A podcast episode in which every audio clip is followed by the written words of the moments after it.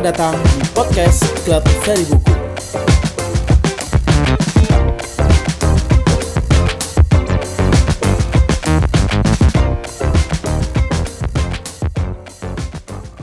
Oke, Assalamualaikum warahmatullahi wabarakatuh. Saya Andrea Nirvianto, uh, Koordinator pelaksanaan acara uh, Klub Seri Buku kali ini Jumat 22 uh, Mei bertepatan dengan uh, kondisi sekarang yang masih uh, dilanda krisis pandemi. Kali ini uh, Klub Seri Buku bekerja sama dengan KB Murba dan juga penerbit independen uh, mengadakan diskusi daring.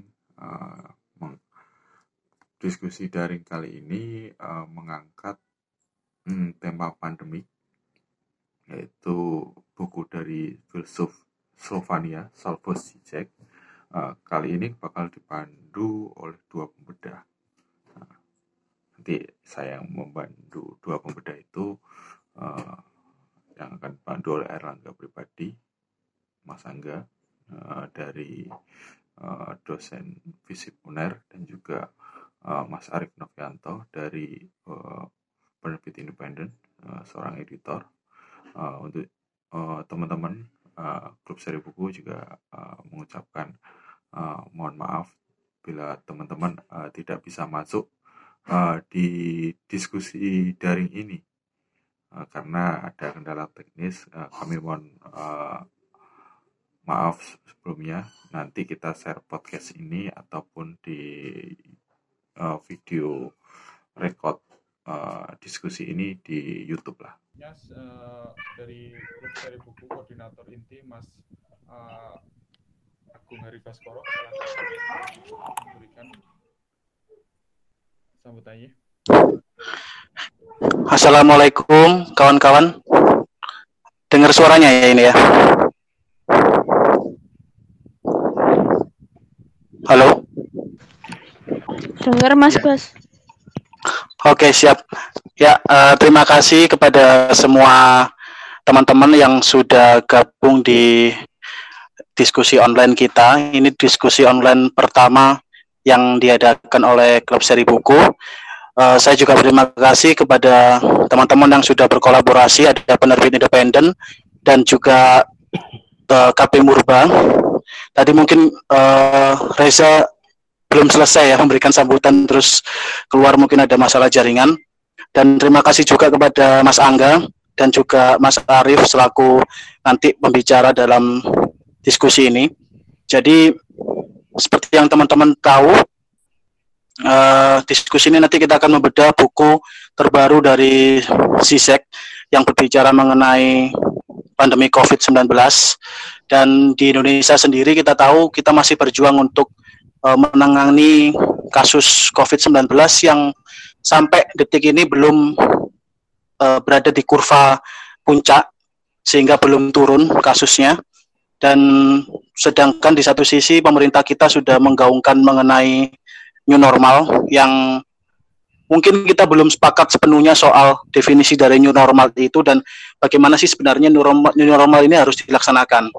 Ada beberapa ketakutan kalau kita lihat di berbagai media sosial new normal ini mengarah ke herd immunity atau uh, kekebalan massal yang artinya juga akan memakan banyak uh, korban meninggal dunia untuk untuk menuju ke sana.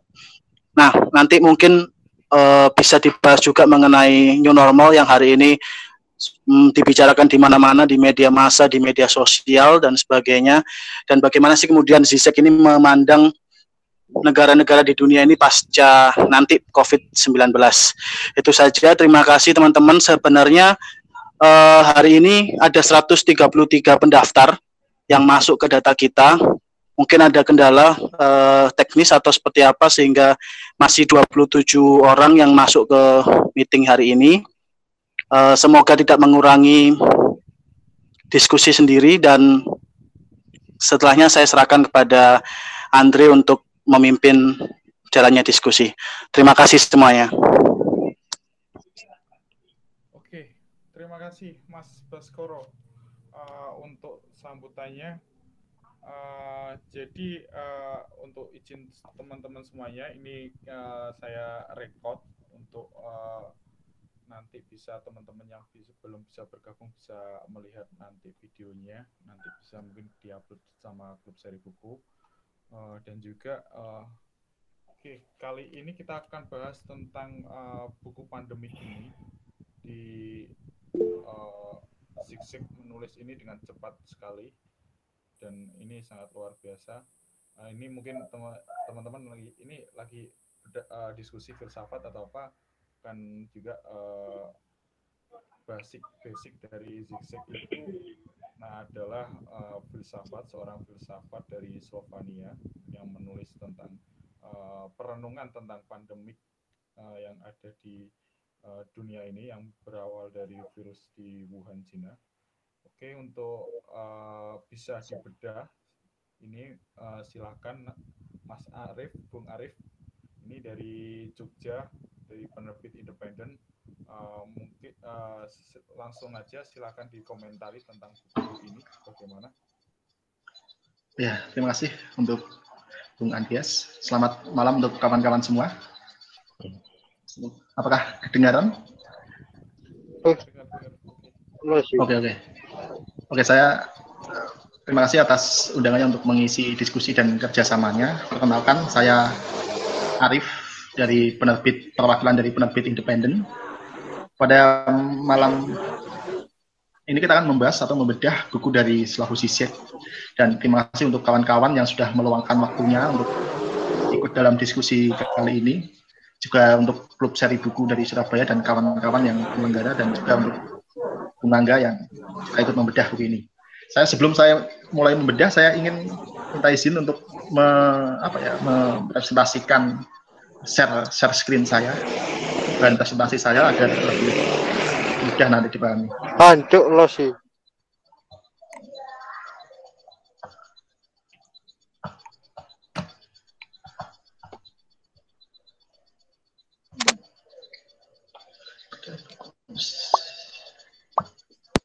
Bentar ya.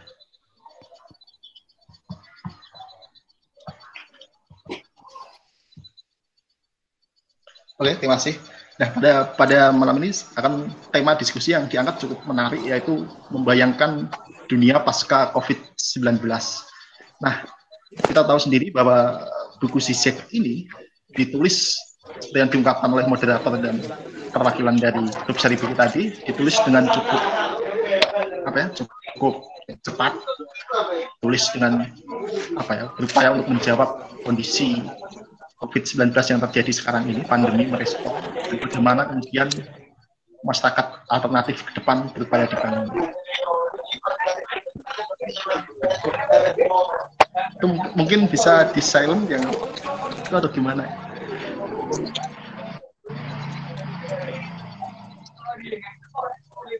Biar suasana diskusinya kondusif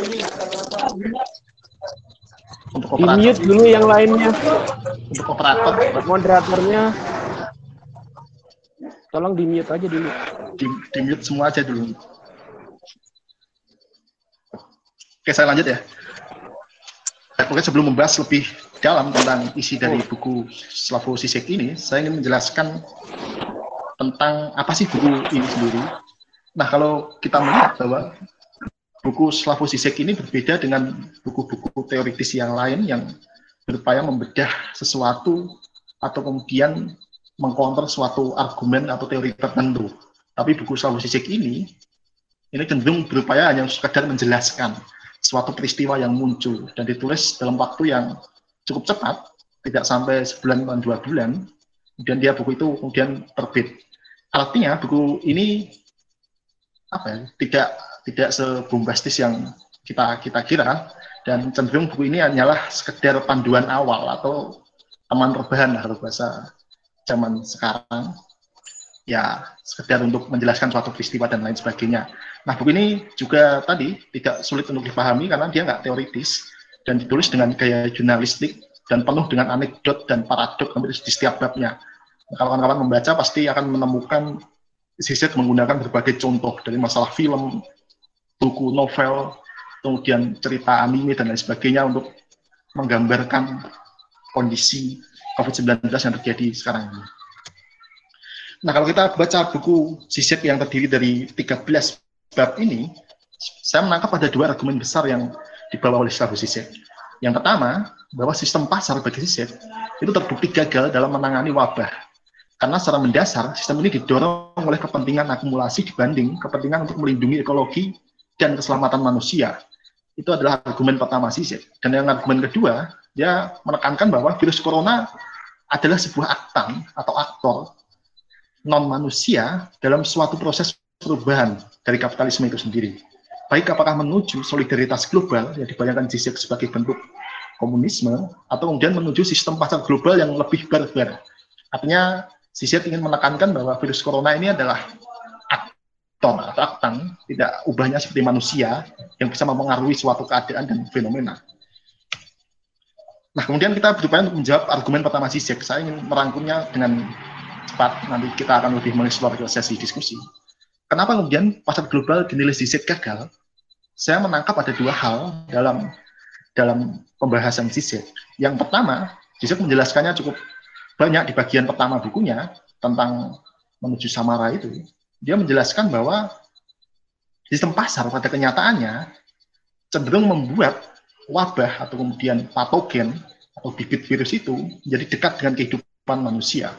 Mengapa seperti itu? Zizek menjelaskan bahwa virus pada kenyataannya tidak tidak seperti yang kita bayangkan bahwa dia punya strategi untuk berperang, dia punya senjata, dia punya taktik dan lain sebagainya. Tapi virus adalah suatu makhluk yang mikroba yang kecil yang jalan atau jalan hidupnya itu ya itu ya sekedar tidak bisa berpikir seperti kita. Dia hanya berjalan sesuai hukum dari sistem alam itu sendiri. Sehingga kemudian habitat aslinya dari patogen ini atau virus ini, yaitu di hutan-hutan lebat, dengan mekanisme pasar yang berkembang sampai sekarang, itu kemudian hutan-hutan lebat itu pada hilang. Kalau kita membaca analisis contoh dari William McNeil dalam bukunya Wabah dan Masyarakat, dia menjelaskan bahwa habitat asli dari patogen atau virus ini itu adalah di hewan-hewan liar yang hidup sebenarnya di hutan-hutan lebat yang usianya ratusan atau ribuan tahun yang susah terjangkau oleh manusia. Nah, dengan cara kerja dari sistem pasar, hutan-hutan yang lebat itu, atau kemudian lautan yang dalam dan lain sebagainya, itu kemudian dibabat.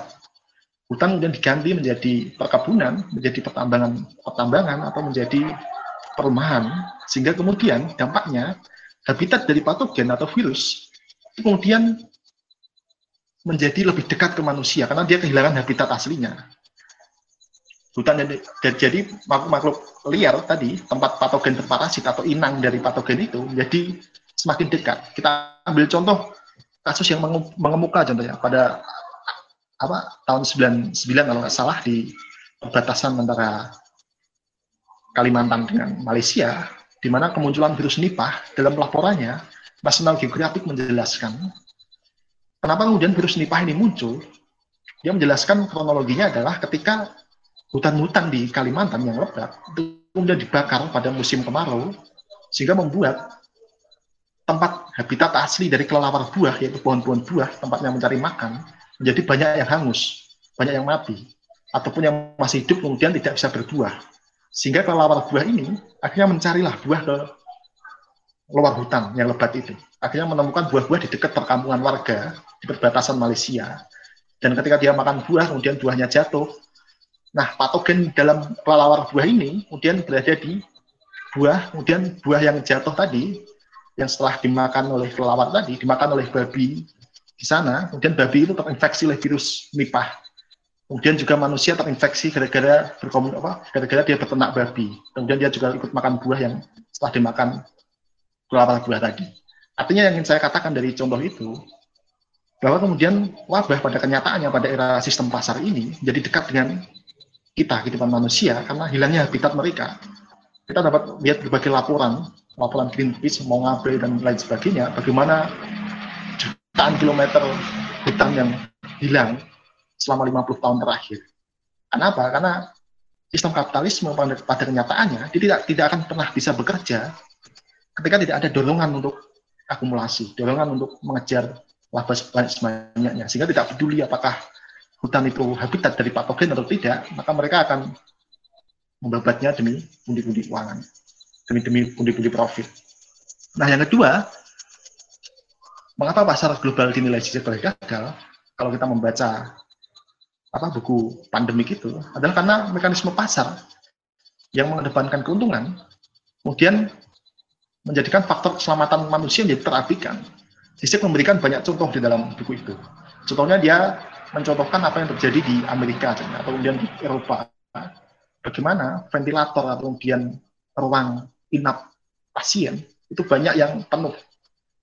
Ventilator kemudian banyak kekurangan. Kenapa? Karena pada situasi yang normal, sistem pasar ini, yang kebanyakan sektor kesehatan banyak kemudian yang diprivatisasi, itu tidak banyak menyediakan ventilator itu banyak tidak tidak banyak menyediakan ruang-ruang bangsal untuk korban-korban COVID ketika ada pandemi, sehingga ketika ada pandemi mereka menjadi kewalahan, jadi kaget. Karena sebelumnya mekanisme pasar menganggap bahwa ventilator atau kemudian apa rumah sakit di daerah yang dianggap non profit yang potensi pasarnya rendah itu dianggap apa tidak tidak perlu dibangun lah karena tidak akan menghasilkan atau rugi saja tidak akan menghasilkan banyak keuntungan dan pada situasi seperti ini, mereka kemudian labarkan karena orang-orang kemudian jadi membutuhkan banyak hal dari itu. Artinya, sistem kesehatan yang dibangun di bawah moderasi dari mekanisme pasar ini, yang dikedepankan bukan aspek keselamatan warga. Kalau kita bicara aspek keselamatan warga, jadi tujuan dari kebijakan kesehatan tidak lagi terkotak-kotak apakah daerah itu akan menghasilkan profit atau tidak, apakah daerah itu memiliki potensi yang besar untuk pasien sehingga memunculkan budi-budi uang atau tidak. Tapi yang dikedepankan adalah aspek keselamatan warganya. Itu kemudian kritik sisik yang kedua. Nah selanjutnya, kemudian apa yang dibayangkan oleh sisik pasca pandemi COVID-19 ini? Nah di dalam buku ini, sisik berupaya untuk mengonstruksi tentang masyarakat alternatif. Dalam argumen sisik, dia beberapa kali menyebut masyarakat alternatif yang disebut Zizek adalah komunisme itu sendiri.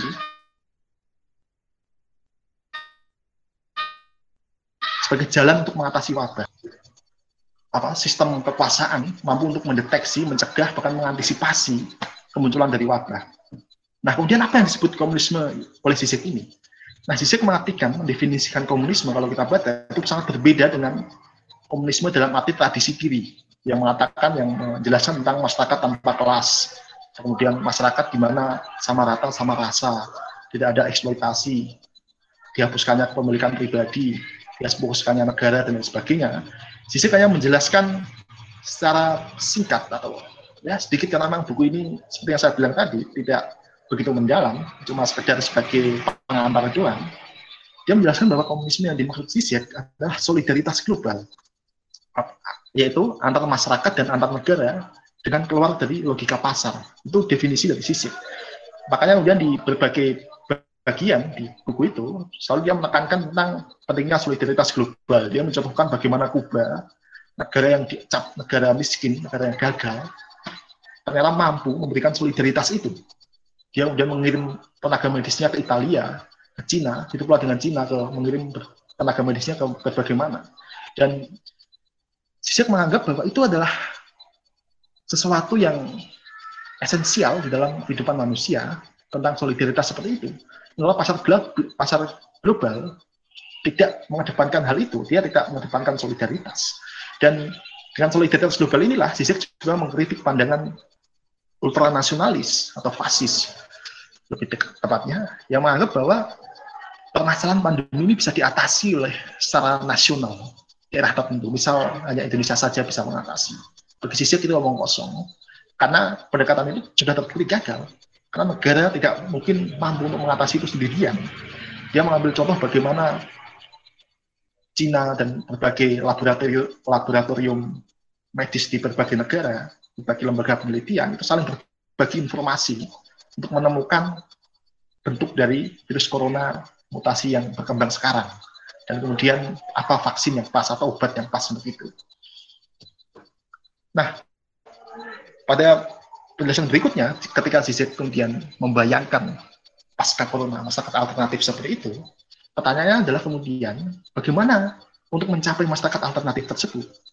Dalam buku ini, Zizek saya, saya dapat mengatakan tidak tidak menjelaskan secara pasti bagaimana jalan untuk mencapainya. Zizek dalam buku ini hanya memberikan petunjuk bahwa apa dia hanya menganalisis secara struktural tentang ketidakmampuan pasar global, tapi dia tidak menjelaskan tentang agensi manusia atau kemudian tetapi namun dia cenderung lebih banyak menjelaskan tentang agensi non manusia. Kalau kita bicara agensi manusia, ketika ingin mencapai masyarakat alternatif, maka diperlukan membentuk gerakan sosial. Itu kan dalam tradisi Marxis ini, dia kan menjelaskan seperti itu. Pentingnya membentuk partai politik dan lain sebagainya atau tradisi anarko contohnya yang lebih ke bagaimana membuat apa kolektif-kolektif. Nah, tapi Zizek tidak menjelaskan seperti itu. Dia tidak menjelaskan tentang pentingnya agensi manusia, tetapi Zizek lebih banyak tentang menjelaskan tentang pentingnya agensi non manusia, peran dari agensi non manusia, yaitu aktan virus. Kita dapat melihat contoh kutipan dari Zizek contohnya di halaman 61 dengan dia menyebut bahwa virus corona memaksa kita untuk menemukan kembali komunisme berdasarkan kepercayaan pada rakyat dan sains. Dia mengandikan tentang agensi dengan pendekatan kalau teman bisa membaca pendekatan dari Latour tentang agensi manusia, yaitu virus corona yang dianggap sisir mampu memaksa kita menemukan gagasan masyarakat alternatif yang dia bayangkan. Yang kedua contohnya, dia dalam kutipannya yang paling bawah itu, ketika saya menyarankan bahwa epidemi virus corona dapat memberikan dorongan baru kehidupan menuju komunisme, klaim saya seperti yang sudah saya duga ditertawakan, itu tulis sisi. Nah, kemudian saya, saya berupaya untuk menempatkan Zizek dalam tradisi ekologi kritis. Pada posisi mana pemikiran Zizek di buku pandemik ini? Kalau kita lihat di dalam tradisi ekologi kritis, ada dua perdebatan penting yang muncul sampai sekarang, yaitu antara tradisi ekososialisme, salah satu yang pemikirnya adalah kalian pasti tahu John Bellamy Foster atau Ian Angus, Fred Clark, Richard York, atau kemudian Andres Malm, dan juga tradisi tentang ekologi bumi yang dipromosikan oleh Jason Moore. Kalau di Indonesia juga ada, contohnya ada Martin, Martin Suryajaya atau Usman Batubara, yang dalam tradisi itu, inti dari tradisi itu adalah melihat bahwa aktor manusia pada kenyataannya bisa melakukan perubahan. Contoh si Jason Moore, dia mencontohkan tentang peran dari batu bara contohnya yang kemudian merubah relasi kerja di dalam kapitalisme. Contohnya ketika zaman dulu industri itu terpaku ke daerah, di daerah dekat-dekat sungai. Karena apa? Karena sumber daya untuk menggerakkan pabrik kebanyakan adalah lewat tenaga air sungai, air terjun, kincir angin yang menggerakkan mesin-mesin. Tapi ketika ada penemuan batu bara, kemudian pabrik-pabrik tidak harus berada di dekat-dekat sungai dan tidak harus apa ya terkendali oleh musim. Yaitu ketika musim kemarau maka berhenti produksi karena air tidak mengalir untuk menggerakkan kincirnya dan lain sebagainya. Itu dianggap sebagai batu bara telah memainkan sebagai agensi. Atau contohnya tentang ikan di sebuah danau yang mampu merubah ekosistem sebuah danau di suatu tempat dan lain sebagainya. Nah, itu berbeda dengan tradisi dari ekososialisme. Nah, Zizek cenderung berada di tradisi ini, tradisi ekologi bumi ini. Dia mengandikan bahwa virus corona ini secara otomatis bisa membuat atau mendorong gagasan komunisme itu itu menyebar. Walaupun kemudian di beberapa bagian dia meragukan apakah kita bisa mencapai masyarakat seperti itu atau justru kita apa ya tidak tidak atau terjatuh pada bentuk pasar global yang lebih lebih brutal, lebih barbar rasanya. Itu salah satu bagian dia juga mengutip tentang pandangan apa bahwa di situasi di situasi krisis kita semua adalah sosialis. Tapi kemudian Zizek bertanya, siapa kemudian yang menerima reforma-reforma sosialis itu? Dia memberikan contoh pada krisis tahun 2008 katanya. Ternyata yang menerima kebijakan sosialis bukan rakyat kecil yang membutuhkan, tetapi adalah para bankir atau para pengusaha karena dia digerojok oleh dana talangan. itu me, itu contoh yang lain kita bisa mencontohkan di Indonesia contohnya. Pada tahun 98 kita tahu sendiri ada skandal BLBI contohnya. Ketika krisis ekonomi justru yang ditalangin adalah para konglomerat para bankir yang hampir kolaps ambruk. Serta masyarakat dibiarkan dalam kekacauan. Nah itu pendapat sisik. Nah artinya kalau kita melihat secara keseluruhan sisik kemudian terjebak kepada pandangan otomatis tersebut yang mengandikan bahwa alam itu bisa berperan bagi agen perubahan dan saya pikir itu apa kalau dalam tradisi ekososialis itu pandangan yang yang keliru atau salah kaprah. Nah di akhir di akhir pemaparan ini nanti kita bisa lanjut dalam sesi diskusi. Pertanyaannya adalah apa? Apakah Zizek sebagai utopian? Menurut saya, jika pandangannya bahwa alam bisa menjadi agen atau aktan perubahan suatu sosial, maka Zizek ini menjadi apa ya? Menjadi seorang utopian.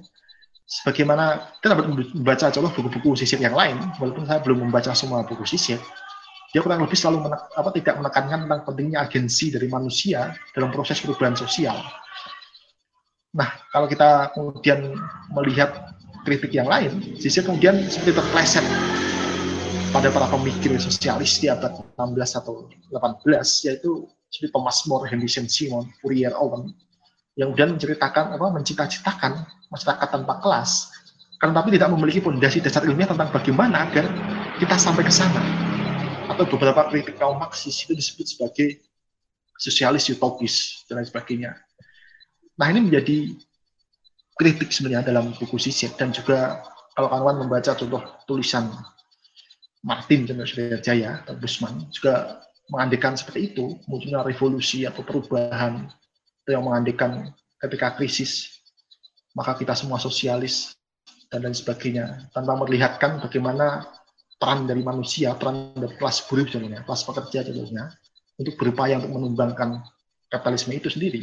Nah, di akhir pemaparan saya ini, saya ingin mengutip dari pendapat dari Marx, bahwa kapitalisme sebenarnya telah menggali kuburnya sendiri, tetapi kapitalisme tidak akan pernah secara sukarela mengubur dirinya sendiri, diri mereka. Walaupun krisis itu telah terjadi. Kita dapat mengambil contoh krisis tahun 2008 atau krisis tahun 1970-an, 80-an, di mana kapitalisme cenderung mampu untuk merekonstruksi sistemnya menjadi lebih bahasa Zizek lebih brutal karena apa? Karena ketiadaan agensi dari manusia, dari kelas pekerja untuk menumbangkan kapitalisme itu. Ketika dia sudah menggali kuburnya, tidak ada agensi yang kuat untuk membuat para kapitalis ini menguburkan diri mereka ke liang lahatnya dan mendirikan bentuk sosialisme dan untuk mencapai masyarakat tanpa kelas. Artinya, jika kita mengandikan bahwa aktor manusia itu sebagai agensi, kita akan gagal dalam upaya untuk membuat perubahan di masa depan itu. Artinya setiap krisis, kapitalis akan pasti akan merekonstruksi dirinya terus, terus, dan terus. Dan kecenderungannya bahkan semakin brutal. Itu yang terjadi sampai sampai sekarang.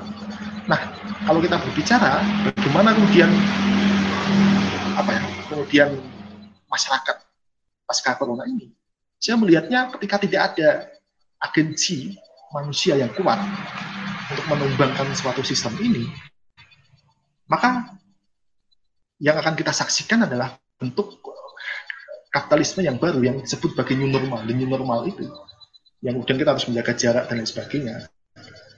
Padahal harusnya di tengah wabah pandemi ini kita sebenarnya bisa melihat kebobrokan atau ketidak, ketidakmampuan sistem sekarang, ketidakmampuan mekanisme pasar dalam menjamin keselamatan warga. Bahkan di Indonesia kecenderungannya pemerintah justru dari gelagatnya, dari kebijakan yang dilakukan, dia selalu menekankan tentang kekebalan tubuh individu, manusia, dibanding bagaimana membentuk kebijakan membangun kekebalan tubuh sosial. Dia lebih mengedepankan bagaimana nanti ekonomi Indonesia akan ambruk atau investasi akan lari dari Indonesia, banyak orang yang di PHK dan lain sebagainya, pertimbangan ekonomi yang dikedepankan, dibanding pertimbangan ekologi, pertimbangan keselamatan warga. Jika memang pemerintah sebenarnya kita membayangkan pasca corona ingin berupaya untuk menghambat wabah, maka mereka harus mengantisipasi dua hal kegagalan pasar global tadi. Yang pertama, ya membiarkan hutan tetap hijau itu jangan kemudian digusur atau dibabat menjadi perkebunan sawit dan lain sebagainya dan juga membangun fasilitas kesehatan publik yang memadai. Nah itu dan itu tidak akan pernah tercapai tanpa adanya agensi perubahan sosial yang dilakukan oleh manusia secara terorganisir. Sehingga berbeda dengan pandangan sisik tadi yang mengandikan aktan atau aktor non manusia bisa merubah. Menurut saya itu adalah pandangan yang dan yang utopis. Nah, mungkin seperti itu dulu pemaparan dari saya. Nanti kita mungkin bisa lanjut sesi diskusi dan Bung Angga nanti bisa menjelaskan lebih dalam tentang analisa tentang politik dan filsafat dari buku ini. Mungkin seperti itu. Terima kasih. Selamat malam semua. Oke, terima kasih Mas uh, Arif uh, tentang pemaparannya soal uh, bahwasanya saya menggarisbawahi bahwa uh, mereka uh, di pandemi ini bisa menuliskan bahwa mekanisme pasar tidak bisa melindungi uh, atau menyelamatkan uh, kehidupan manusia secara sosial, ekonomi, dan lainnya. Oke, uh, selanjutnya uh, ini uh, Mas Erlangga pribadi uh, visit UNER, silahkan uh, bisa dipaparkan atau mungkin uh, mau mengkritisi tulisan dari Zizek ini. Silahkan Mas Erlangga pribadi.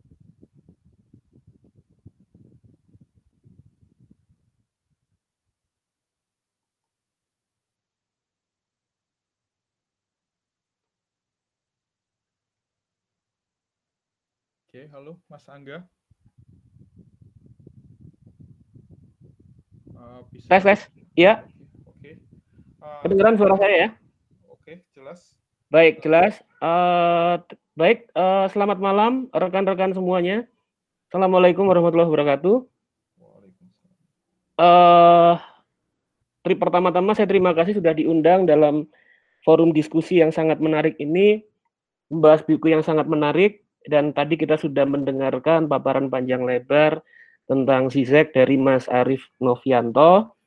Nah, uh, kalau kita amati buku tentang Zizek ini, uh, seperti karya-karya Zizek sebelumnya, pertama ada beberapa hal yang mau akan saya utarakan bahwa pertama kalau kita perhatikan uh, terkait dengan virus corona ini, virus corona ini menyebar dari bulan Desember, terus kemudian Januari, uh, terus uh, Januari kemudian ditetapkan sudah ditetapkan terjadinya uh, penyebaran dari manusia ke manusia, lalu kemudian diterapkan pandemik dan dinyatakan ini menjadi virus global, maka yang menarik bahwa uh, buku Zizek ini langsung tidak dalam waktu yang lama, tidak lebih dari tiga bulan setelah penyebaran virus ini, uh, kemudian buku ini langsung dipublish dan merupakan komentar terhadap perjalanan virus.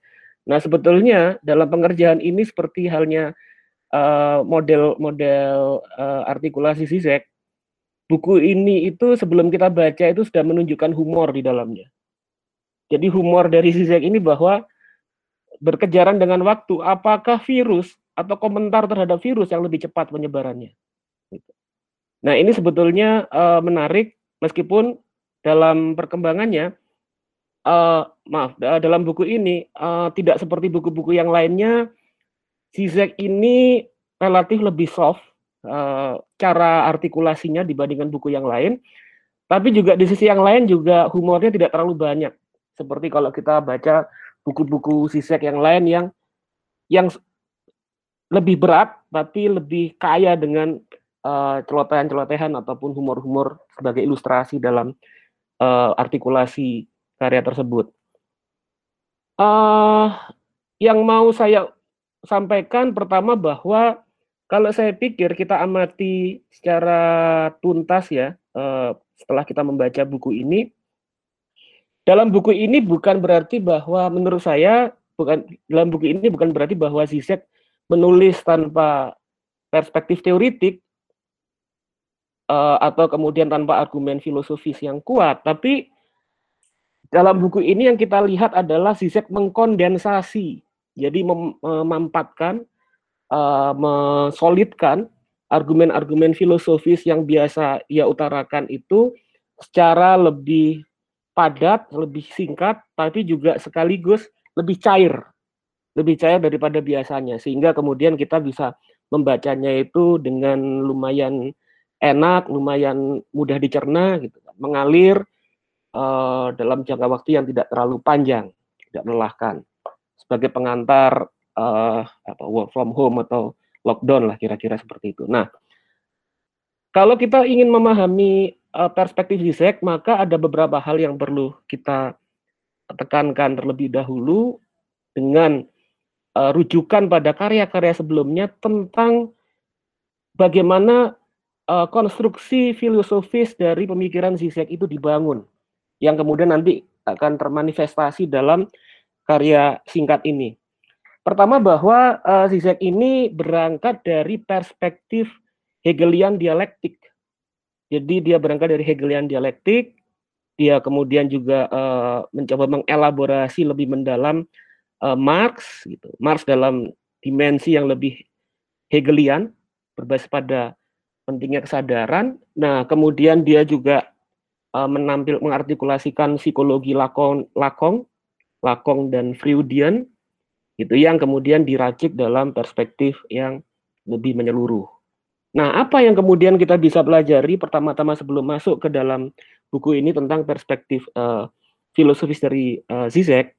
Di sini saya akan mengutarakan satu saja sumber dari uh, filosofi Zizek, yaitu berangkat dari Hegelian dialektik.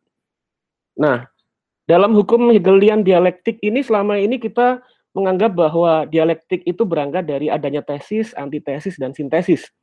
Gitu. Nah, sebetulnya kalau kita membaca Hegel dan kita kemudian masuk engage dengan pemikiran Zizek, Zizek mengutarakan bahwa sebetulnya dialektik itu tidak sesederhana itu dan uh, tesis, antitesis, dan sintesis sendiri itu tidak ditulis oleh Hegel, tapi diartikulasikan oleh penulis biografi intelektual Hegel. Nah, di sini kemudian hukum dialektik dalam perspektif uh, Hegel dan juga digunakan oleh Zizek itu adalah berangkat dari pertama uh, mind atau spirit itu sebagai sesuatu yang abstrak yang dia hadir dan dia ingin uh, mewujudkan dirinya dalam proses sejarah. Gitu. Nah dalam proses dinamika dan problem-problem antagonisme yang berlangsung dalam sejarah, maka yang terjadi adalah proses negation. Hadirnya negation atau uh, negation of negation atau benturan dengan benturan. Yang kemudian muncul dari hasil tersebut adalah bagaimana kemudian hubungan antara reason subjektif dan objektif itu masuk pada pertemuan konkretnya dalam proses sejarah. Atau dalam bahasa Hegel spirit atau reason yang memahami dirinya dalam kenyataan sejarah. Nah, itu pertama dan kedua uh, itu adalah pandangannya dia tentang utopia. Nah, utopia ini menurut uh, Zizek ketika membaca Hegel bukan utopia dalam pengertian Thomas More atau pengertian-pengertian uh, Robert Owen gitu, utopian klasik yang melihat utopia itu sebagai sebuah proyeksi dan imajinasi sosial untuk membentuk masyarakat ke depan jadi istilahnya utopia itu kita berada dalam sebuah komunitas dan kita membayangkan adanya pulau yang ada di luar sana sebagai perwujudan segala hal yang menjadi imajinasi kita tentang kebaikan di masa depan. Bukan seperti itu. Tapi juga utopia bukan juga yang sering dia kritik dalam perspektif liberal utopian. Di mana kemudian liberal utopian itu adalah perspektif bahwa uh, relasi pasar itu kemudian me memfasilitasi setiap hasrat-hasrat dan keinginan-keinginan kita menjadi nyata. Nah, utopia seperti apa yang dalam perspektif Hegel yang juga diartikulasikan oleh Zizek, yaitu utopia sebagai sebuah tindakan, tindakan konkret, bukan sebagai sebuah semata-mata pemikiran dan atau imajinasi yang tidak berjejak dengan realitas. Tindakan seperti apa? tindakan yang berlangsung ketika kita sudah memahami totalitas sosial dalam konstruksi Zizek adalah totalitas uh, sosial dari sistem kapitalisme yang tadi sudah diutarakan penuh dengan problem, penuh dengan simptom-simptom bahasa Zizek dengan totalitasnya yang di dalamnya ada sistem-sistem yang ketika bekerja sedemikian rupa justru menghancurkan kemanusiaan itu sendiri, maka tindakan utopia adalah sebuah tindakan untuk mengintervensi keadaan dengan perjuangan dan upaya untuk merubah logika, perspektif dominan, ideologi hegemonik, dan juga pattern-pattern yang selama ini menjadi narasi-narasi mainstream.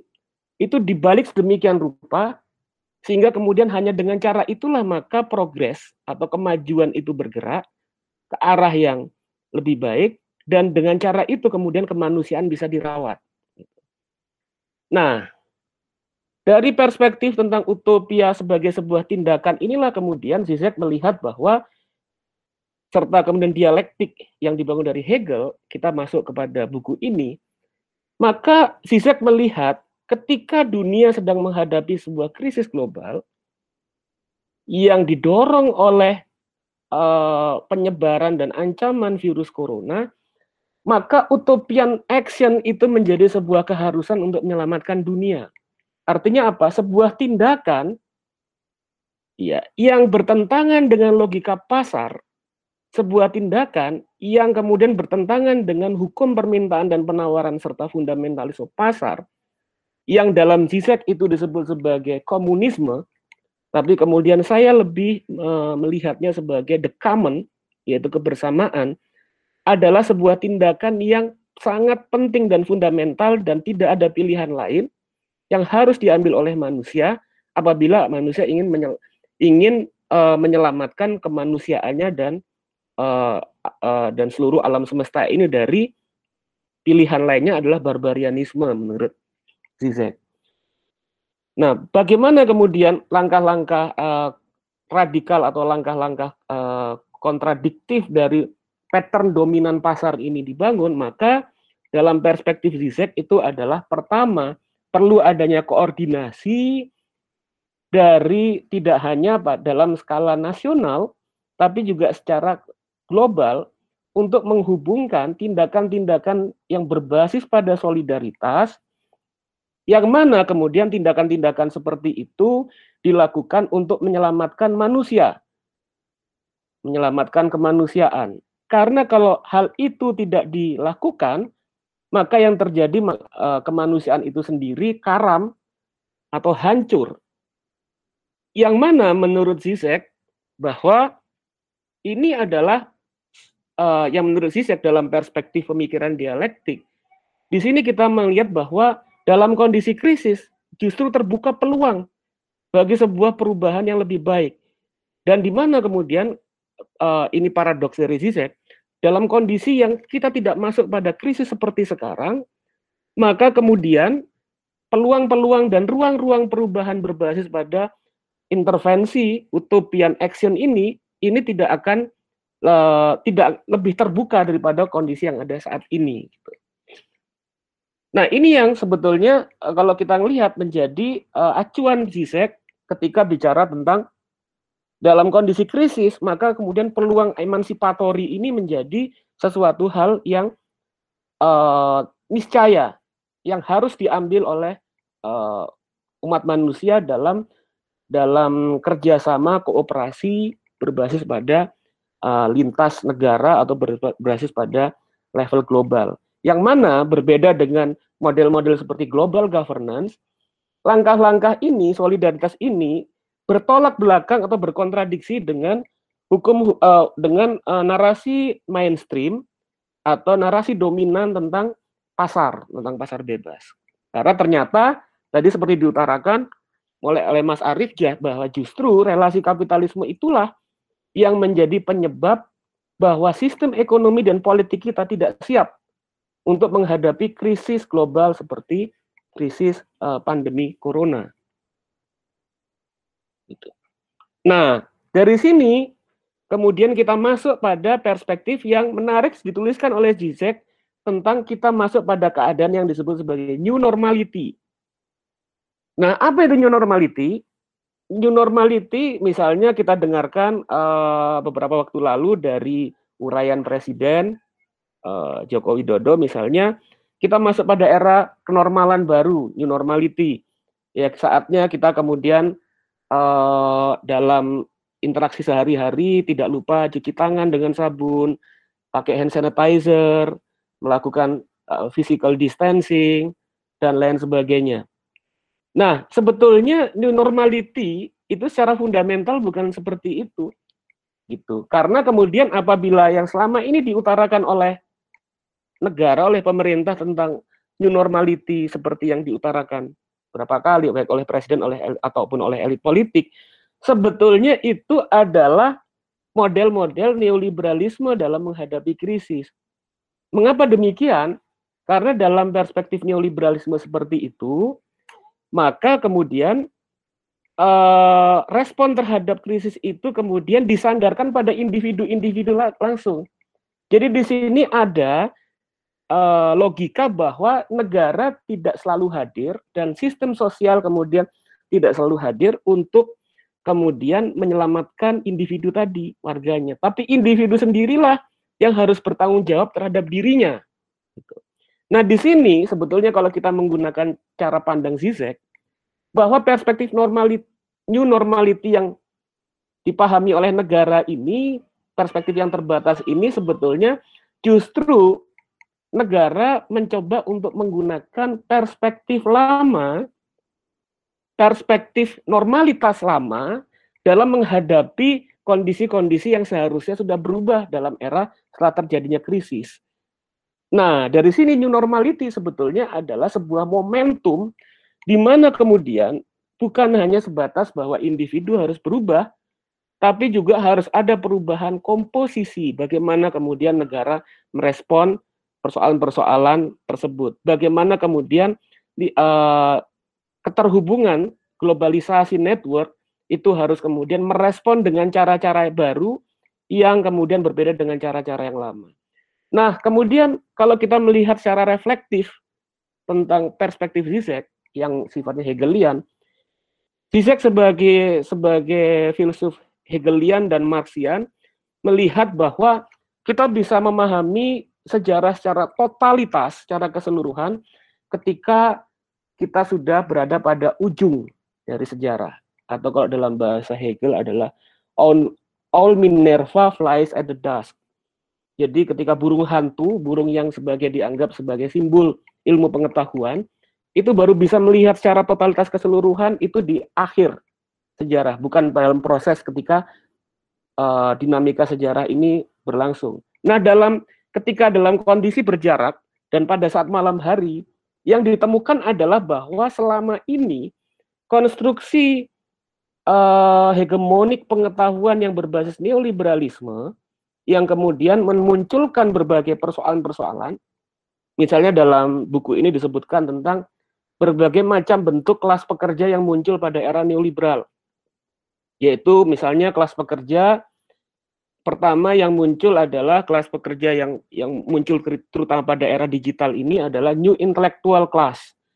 Atau bisa disebut sebagai kaum kognitariat. Atau kalau dalam bahasa Antonio Negri disebut sebagai iman immaterial labor gitu. Yaitu kaum pekerja yang dia secara independen bekerja eh, bagi dirinya sendiri memanfaatkan perkembangan dalam teknologi informasi tapi juga karena uh, navigasi dari sistem kapitalisme maka meskipun dia bekerja independen tapi dia selalu melakukan self exploitation jadi mengeksploitasi dirinya terus menerus dalam bentuk uh, sebagai apa misalnya sebagai uh, uh, in, uh, sebagai rockstar misalnya di sosial media sebagai bintang di sosmed di Facebook di Instagram secara terus menerus sehingga kemudian dia harus selalu bekerja dan mencari kreativitas baru, tapi karena kemudian kreativitasnya itu kemudian tidak lebih sebagai tuntutan dari pasar bebas, kadang-kadang mereka melakukan hal-hal yang bodoh gitu. Untuk memancing sentimen atau emosi publik. Kedua adalah kalangan-kalangan uh, prekariat, prekariat uh, kelas.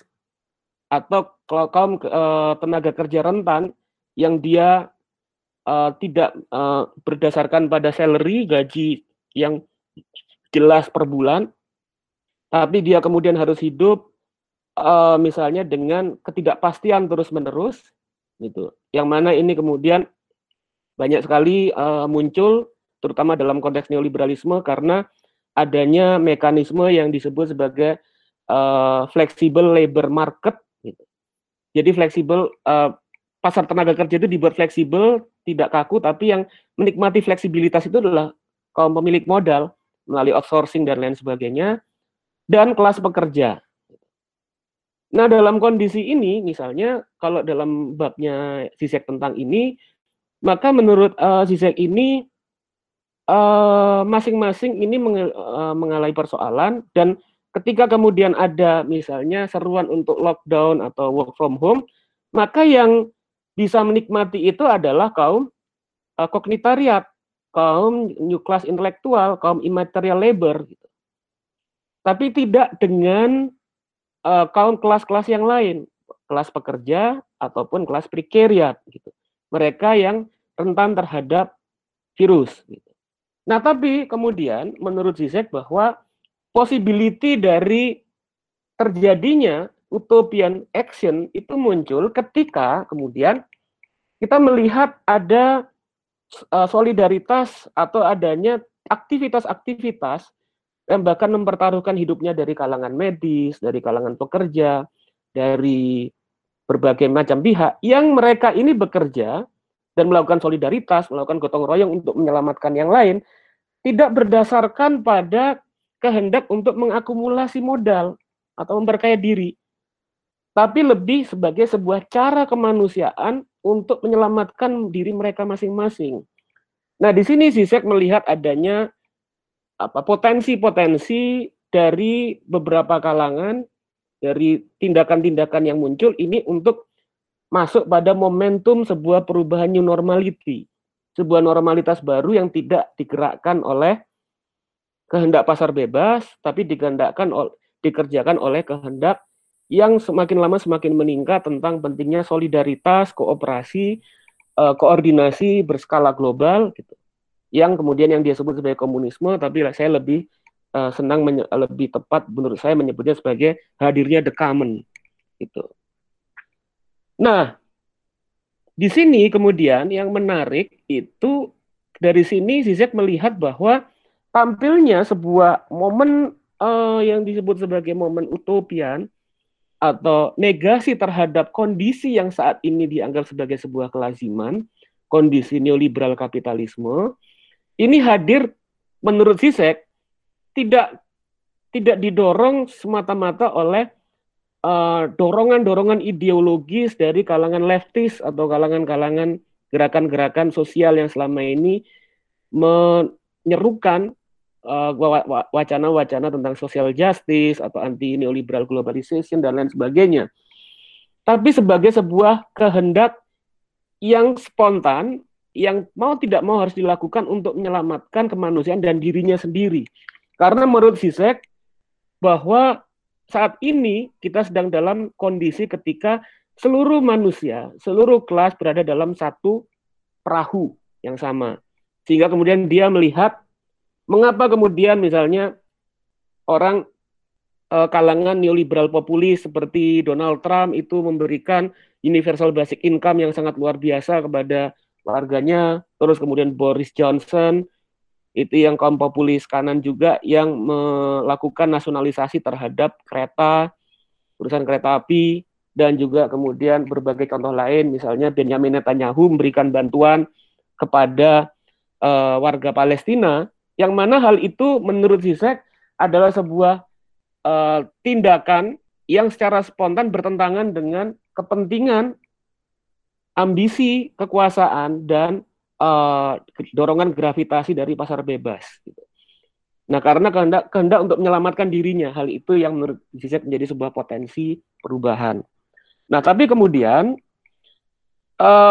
pilihan-pilihan uh, ini juga Zizek melihat bahwa ya memang tetap ada pilihan dilematis antara kecenderungan sejarah yang uh, akan uh, terus-menerus terakumulasi membentuk sebuah normalitas baru yang bertentangan dengan kerja dari neoliberalisme kapital dengan arahan-arahan yang bertentangan dengan hal itu yang dia sebut sebagai arah menuju barbarianisme.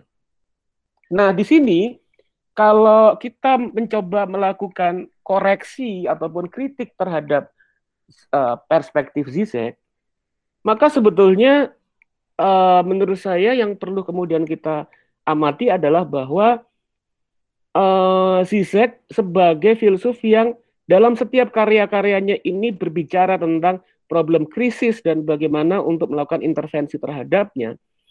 Ini dia tidak melihat bahwa meskipun ya kita semua sekarang ini berada pada satu perahu, ya pada satu perahu yang disebut, tapi pada kenyataannya yang memegang navigasi terhadap perahu tersebut itu mengarahkan kita pada problem yang bertentangan dengan kehendak-kehendak untuk menyelamatkan kemanusiaan atau misalnya kehendak untuk uh, untuk ber, untuk mendorong tindakan-tindakan yang bertentangan dengan kelasiman yang lama.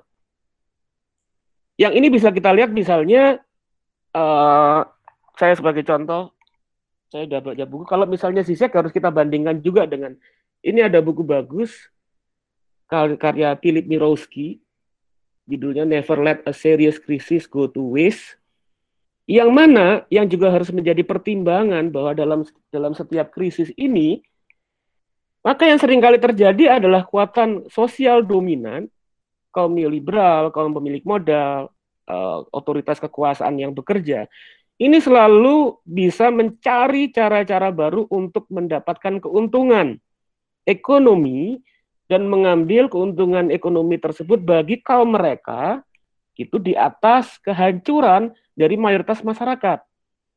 Ini eh, Philip Mirowski dalam buku ini misalnya menjelaskan tentang bagaimana krisis tahun 2008-2010 Supreme Mortgage gitu yang menghancurkan ekonomi Amerika dan uh, dan Eropa ini kemudian mengarah pada proses solusi-solusi, proses-proses jawaban-jawaban yang sebetulnya di satu sisi memberikan keuntungan yang sangat besar kepada kaum banker, kaum kelas kapitalis, eh, terutama kelompok aktor-aktor bisnis yang bekerja di uh, kapitalisme finansial dan elit-elit politiknya, yang mana kemudian yang membayar itu adalah kelas pekerja dan mayoritas warga melalui kebijakan austerity, pengetatan anggaran publik. Hingga kemudian nah ini yang kemudian di, mekanisme menyelesaikan krisis yang kemudian menguntungkan kelas paling atas inilah yang membuat kondisi saat ini misalnya dalam kondisi corona membuat mayoritas warga ini sebetulnya yang paling rentan, kaum prekariat paling rentan, kaum kelas pekerja paling rentan. Nah, yang kita saksikan misalnya baik pemerintah kita ataupun eh, negara-negara uh, di dunia ini sepertinya kalau menurut saya tidak bergerak seperti apa yang menjadi bayangan Zizek. Tapi mereka membuat sebuah formula-formula seperti pada formula krisis yang lain, yang mana formula itu kemudian mencoba untuk uh, menyelamatkan bukan warga yang diselamatkan, tapi tatanan kapitalisme yang diselamatkan, gitu ketika berhadapan dengan krisis yang kemudian membuat potensi korban yang lebih besar itu adalah warganya sendiri, mayoritas warga. Nah, di sini kenapa kok Zizek ini sampai kemudian uh, seperti absen untuk memikirkan problem ini lebih jauh. Justru kemudian Zizek ini sepertinya uh, tidak konsisten dengan proyeksi Hegeliannya dia, gitu. Karena kemudian dalam Hegelian itu selalu ada kontradiksi dalam kemungkinan dan dan reaksi terhadap kemungkinan yang uh, yang progresif, yang lebih maju tadi. Ini terjadi karena Zizek ini selalu melihat dalam perspektif kalau dalam paradigma Hegelian kontingensi, yaitu apa ruang-ruang uh, kemungkinan yang mungkin dalam sebuah momen krisis tapi dia kemudian tidak melihat apa yang necessity, apa yang diperlukan, apa yang penting untuk mendorong agar momen momen utopian ini menjadi aktual, actuality dari sebuah new normality. Iya, dia tidak melihat tadi seperti diutarakan uh, oleh Mas Arief tidak menampilkan tentang pentingnya contoh misalnya bagaimana mengartikulasikan agensi politik yang memadai yang bisa mendorong pada proyeksi-proyeksi politik emansipasi dalam krisis yang ada. Dia kemudian uh, tidak apa secara concern kemudian engage dalam diskusi tentang bagaimana memformulasikan partai politik baru dalam arena politik demokrasi yang memungkinkan sebuah perubahan. Dia tidak mengevaluasi misalnya dalam buku ini tentang hadirnya kekuatan-kekuatan progresif baru ya dalam skala dunia. Misalnya di waktu itu tentang uh, munculnya Bernie Sanders, dia cuma ngomong sekilas soal itu, Jeremy Corbyn dan tidak melakukan evaluasi tentang apa yang menjadi kesempatan, apa yang menjadi uh, nilai positif dari itu dan apa yang menjadi, yang perlu dikoreksi dari artikulasi politik-politik yang bisa menampilkan sebuah perubahan. Nah, dari sini kita bisa belajar banyak bahwa uh, pandangan Sisek ini penting sebagai sebuah referensi rujukan kita dalam membahas sebuah peluang-peluang perubahan dalam krisis, tapi sepertinya kita uh, jangan selesai pada Sisek karena kemudian setelah dia menampilkan potensi perubahan, dia tidak terlibat secara lebih mendalam. Proyeksi-proyeksi perubahan seperti apa dan apa yang harus dilakukan secara detail untuk mengaktualisasikan perubahan tersebut. Saya kira uh, sekian pengantar dari saya. Uh, setelah ini mungkin kita bisa lanjutkan elaborasi dalam diskusi. Terima kasih. Oke, terima kasih Mas uh, Erlangga pribadi, uh, dosen ilmu politik Universitas Erlangga bahwa uh, sudah memaparkan banyak tentang uh, buku zigzag ini.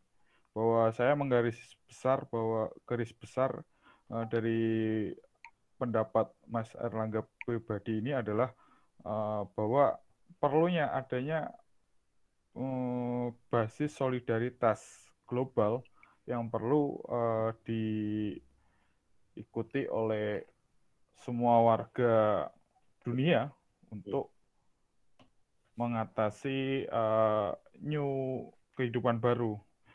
Oke, okay, hmm. untuk uh, kali ini kita buka sesi uh, tanya jawab langsung saja.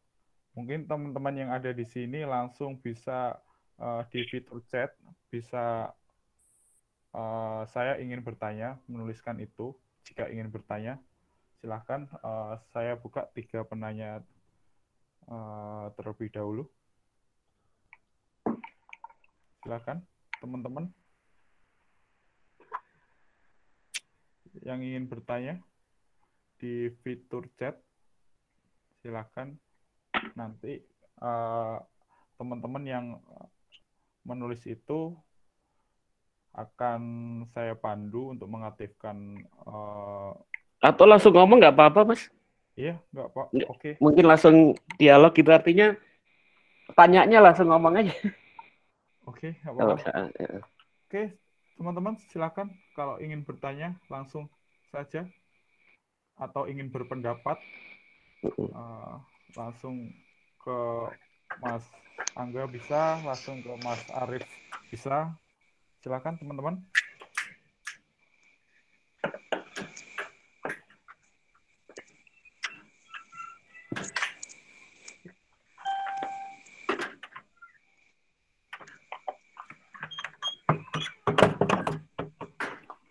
Mas Torik Kemal, apakah ingin bertanya atau Mas Reza Ikam? Bismillah. Uh, saya sebenarnya agak malu Mas Andrian untuk tanya. Sebenarnya ada pertanyaan. Uh, terima kasih pada materi yang telah memberikan ulasannya sangat menarik ya. Jadi saya jadi pada awal abad awal tahun 2000 itu kan banyak sekali ya Pak uh, virus-virus yang bermunculan seperti uh, SARS, terus MERS, flu burung, virus Zika dan Ebola. Nah, kenapa kok pada kok negara kita itu tak belajar pada pengalaman yang lalu tentang penanganan virus-virus yang sudah pernah muncul ya di dunia ini. Nah, mungkin itu dulu pertanyaan dari saya. Terima kasih. Oke, uh, langsung dijawab aja ya. Ya. Uh, mungkin Mas Yang lain mungkin. Yang lain mungkin ada yang mau ngomong dulu biar lebih enak kita bahas ya. Ada yang mau komentar, ada yang mau nanya. Halo? Udah nyambung ini. Ya. Oke, Mas Reza Hikam, silakan. Oh, makasih ya Andri. Jadi saya ngapunten tadi untuk sambutannya keputus itu. Laptopnya ngeheng ya. Lama nggak tak pakai. Nah, ini uh, dengar kan? Uh, Ya. Nyambung tuh ya. Nah, sebetulnya kajian ini menarik sih dari penjelasannya uh, Mas Arif dan Pak Angga. Cuman satu hal ya yang yang mungkin saya jarang mendengarkan itu adalah bagian paling penting dari buku Zizek ini kan yakni lima tahap epidemik. Sebetulnya dalam bab ini itu yang menggambarkan betul apa yang terjadi di Indonesia. Seperti yang kita tahu coba di halaman 71 ya barangkali yang sudah ada bukunya. Tahap pertama adalah penolakan. Kita bisa melihat betul bahwa bagaimana pemerintah kita semenjak awal itu menolak. Bahkan saat WHO bilang, oh itu sudah ada di Indonesia. Apa kemungkinan ada di Indonesia. Menteri kita yang terhormat dari Menteri Kesehatan bilang, wah that's an insult, itu penghinaan. Nah, penolakan yang sangat total dari pemerintah kita. Habis itu marah-marah bahwa tidak ada itu apa terus corona di Indonesia karena kita di sini panas dan lain-lain. Nah, terus muncul kepada tahapan ketiga tawar menawar, mulai berpikir bagaimana sebetulnya untuk menyelesaikan permasalahan ini. Kita mulai melunak, kita mulai memikirkan, mulai bekerja sama dengan WHO. Prabowo menelpon Amerika Serikat dilanjutkan oleh Jokowi yang minta ventilator dan lain-lain. Akhirnya kita masuk pada tahapan tawar menawar, tahapan ketiga setelah marah dan penolakan. Nah, sekarang pada tahapan depresi ini, sebetulnya yang saya ingin tanyakan, eh, apakah lima tahapan ini memang benar-benar dilalui oleh seluruh orang, atau ini hanya proyeksi Zizek yang sebetulnya sekedar angan-angan saja dan bukan sesuatu yang nyata. Karena saya melihat uh, simptom atau gejala dari lima tahapan ini terjadi semua, yang pada akhirnya kita pada tahapan depresi sekarang meningkat 937 kasus, 900 berapa kasus kemarin gara-gara dibuka. Ya, itu mengenai tahapan sih. Apakah ini memang kenyataan atau hanya proyeksi saja? Mungkin sekitar itu. Uh, Oke, langsung saja uh, per- dua pertanyaan dari Mas Torik dan Mas Reza Hikam uh, langsung dijawab. Uh, Mas Arif dulu ini ya. Ya. Oke. Mas Arif, silakan. Iya. Oke, terima kasih atas pertanyaannya. Ada dua pertanyaan menarik tadi dari kawan-kawan. Yang pertama tentang mengapa pemerintah seolah-olah tidak tidak mau apa ya tidak tidak belajar dari peristiwa wabah pada masa-masa sebelumnya. Nah ini juga diulas oleh Zizek.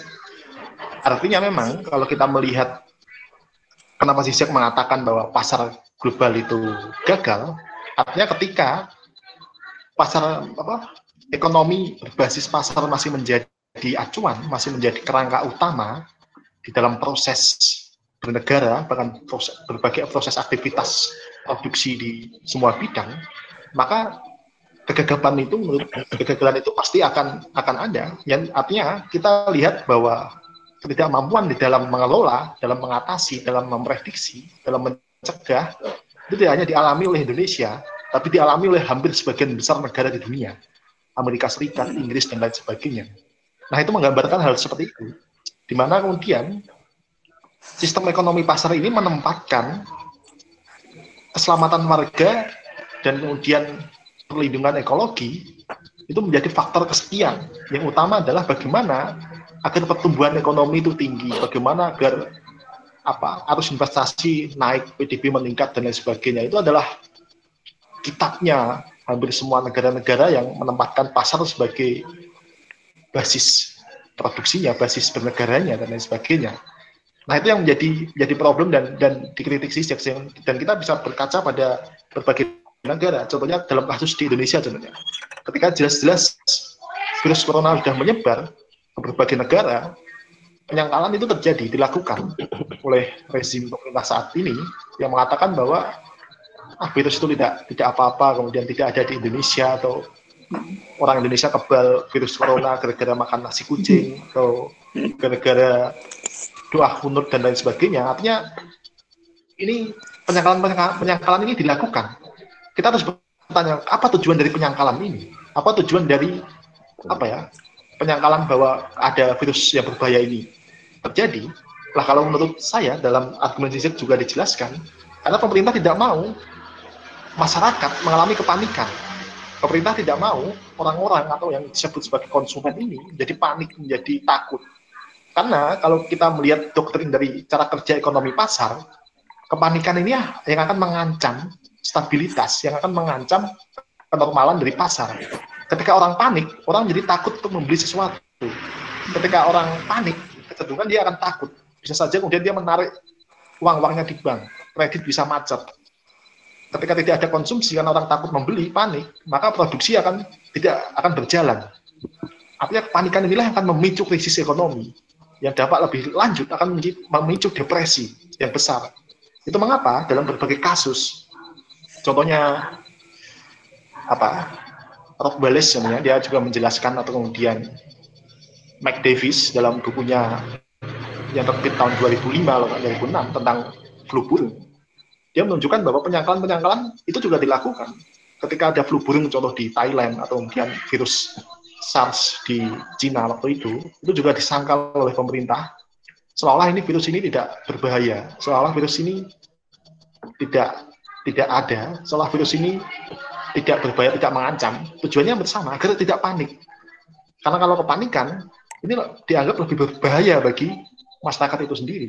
Nah, makanya Zizek selalu menekankan dalam bukunya, ketika masyarakat masih didorong oleh fondasi dengan sistem ekonomi pasar ini, maka penyangkalan-penyangkalan itu pasti akan terjadi apa kemudian kegagalan-kegagalan atau ketidakbelajaran dari dari wabah-wabah sebelumnya pasti akan dilakukan karena karena apa? Karena sistem ini memang tidak menempatkan keselamatan warga dan aspek perlindungan ekologi sebagai acuan utamanya. Nah itu yang menjadi kritik Sisek. Makanya dia kemudian menganggap sistem pasar ini gagal. Karena karena virus di masa depan ketika akan terjadi, respon dari sistem atau kelas penguasa pasti akan juga seperti itu. Berupaya agar masyarakat tidak panik dan lain sebagainya. Nah itu menurut saya terkait tentang masalah kenapa pemerintah atau kelas penguasa tidak pernah belajar dari dari wabah-wabah sebelumnya.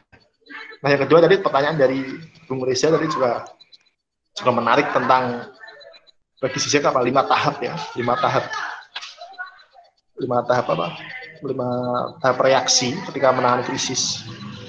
Nah kalau menurut saya di lima tahap itu itu memang berlaku pada konteks tadi berlakunya sistem pasar itu tadi. Pasti ada penyangkalan kemudian orang-orang mulai marah orang-orang kemudian mencapai depresi akhirnya penyesalan atau akhirnya berdamai. Seperti yang dilakukan Jokowi sekarang berdamai. Kita harus berdamai dengan virus corona kata Jokowi walaupun ini disanggah oleh Yusuf Kala apakah virus coronanya mau ya, Yusuf Kala bertanya seperti itu artinya kalau kita terminologi berdamai sendiri adalah seolah-olah kita bisa menegosiasi dengan virus sebagai atam gitu. Kita bisa bernegosiasi. Udah kamu nggak usah damai aja ya, kita nggak usah menyerang. Kamu nggak usah menyerang warga dan sebagainya. Tapi nyatanya tidak. Artinya kalau memang yang dimaksud oleh lima peristiwa itu, itu adalah kalau menurut saya itu lima peristiwa yang terjadi ketika kita memang tidak siap untuk menangani wabah. Kita tidak siap untuk bagaimana mencegah agar patogen, agar hutan-hutan sebagai tempat habitat asli patogen itu supaya tetap lestari, tidak rusak kemudian membuat virus menjadi dekat dengan kita.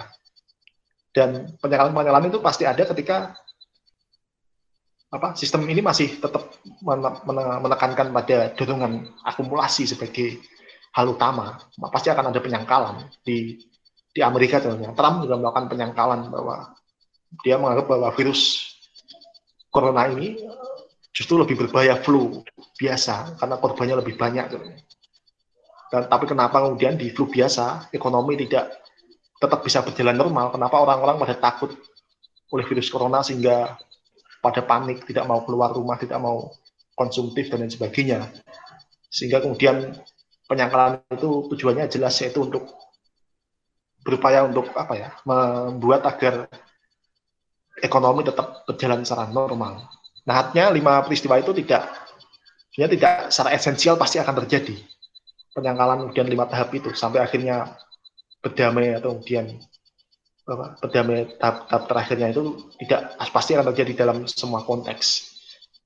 Cuman di dalam konteks ketika kapitalisme masih masih apa masih sebagai sistem ekonomi utama maka proses itu pasti akan terjadi. Yang akhirnya tetap pertanyaannya apakah berdamai untuk kalah atau kita tetap akhir bisa ada tuntutan-tuntutan atau belajar dari gerakan sosial untuk membuat jangan sampai berdamai untuk kalah tapi kemudian melawannya untuk sampai sampai menang. Mungkin seperti itu tanggapan saya. Terima kasih. Saya kembalikan ke moderator Oke, terima kasih Mas Arief Novianto. Bahwa saya menarik uh, garis besar bahwa uh, ada yang seperti menggunakan kunut dan lain-lain bahwa itu adalah tipe-tipe uh, pemimpin yang uh, anti science dan tadi juga dijelaskan juga bahwa dari Mas Angga bahwa ini ada dua basis yang kurang uh, yang perlu disoroti juga antara dari basis sains dan juga basis solidaritas kita. Dari teman-teman Mas Faruk dan Jamal silakan uh, Mas Tarik dan Mas Riksa Ikam silakan ditanggapi uh, Mas Angga silakan. Oke baik. Uh, iya saya akan menanggapi pertama saya coba merespon dari pertanyaannya Reza Ya, ini tentang lima tahap yang ditampilkan dalam karyanya Sisek ini. Nah, kalau kita lihat itu sebetulnya kan uh, lima tahap itu adalah tadi saya utarakan di awal kondensasi dari refleksi filosofis dari karya-karya Sisek selama ini. Kalau kita mengikuti buku-buku Sisek, itu ada tahun 2010 dia menulis judulnya Living in the End Times, uh, karya Sisek ini. Nah, di dalam buku itu yang menjadi acuannya dia menjelaskan tentang uh, lima tahap. Jadi itu sebenarnya bukan hal yang baru dalam perspektif psikologi, psikologi Freudian tentang bagaimana uh, manusia itu menghadapi krisis ataupun menghadapi penyakit, menghadapi persoalan yang dihadapi, persoalan yang yang mana kemudian disebutkan ada semacam denial, ada exclusion of anger, attempts to bargaining, ada depression, and kemudian pada tahap terakhir adalah acceptance. Nah, kalau kita lihat tadi sudah diutarakan uh, secara umum oleh Mas Arief tentang yang penting uh, kemudian kita lihat dalam konteks lebih luas, dalam konteks sosial, bagaimana kemudian uh, semacam interpolasi ya, ekstrapolasi dari uh, pandangan tentang krisis ini, lima tahapan ini kalau kita coba terapkan dalam perspektif sosial. Nah, pertama tentang penolakan resistensi itu kita kalau kita perhatikan beberapa informasi-informasi, kemudian beberapa uh, berita-berita yang ini kemudian menjadi sebuah hal yang umum dan sebetulnya itu denial ini adalah di satu sisi penolakan ini karena pemerintah tidak ingin kemudian uh, berhadapan dengan krisis, kepanikan, yang mana kemudian implikasinya adalah keguncangan terhadap uh, berlakunya mode of production atau tata kelola atau ideologi yang selama ini dianggap sebagai sebuah kelaziman, yaitu uh, ideologi neoliberalisme. Karena kemudian uh, penolakan penolakan ini berangkat dari kehendak untuk terus-menerus bekerja sesuai dengan perspektif atau pandangan uh, kapitalisme neoliberal.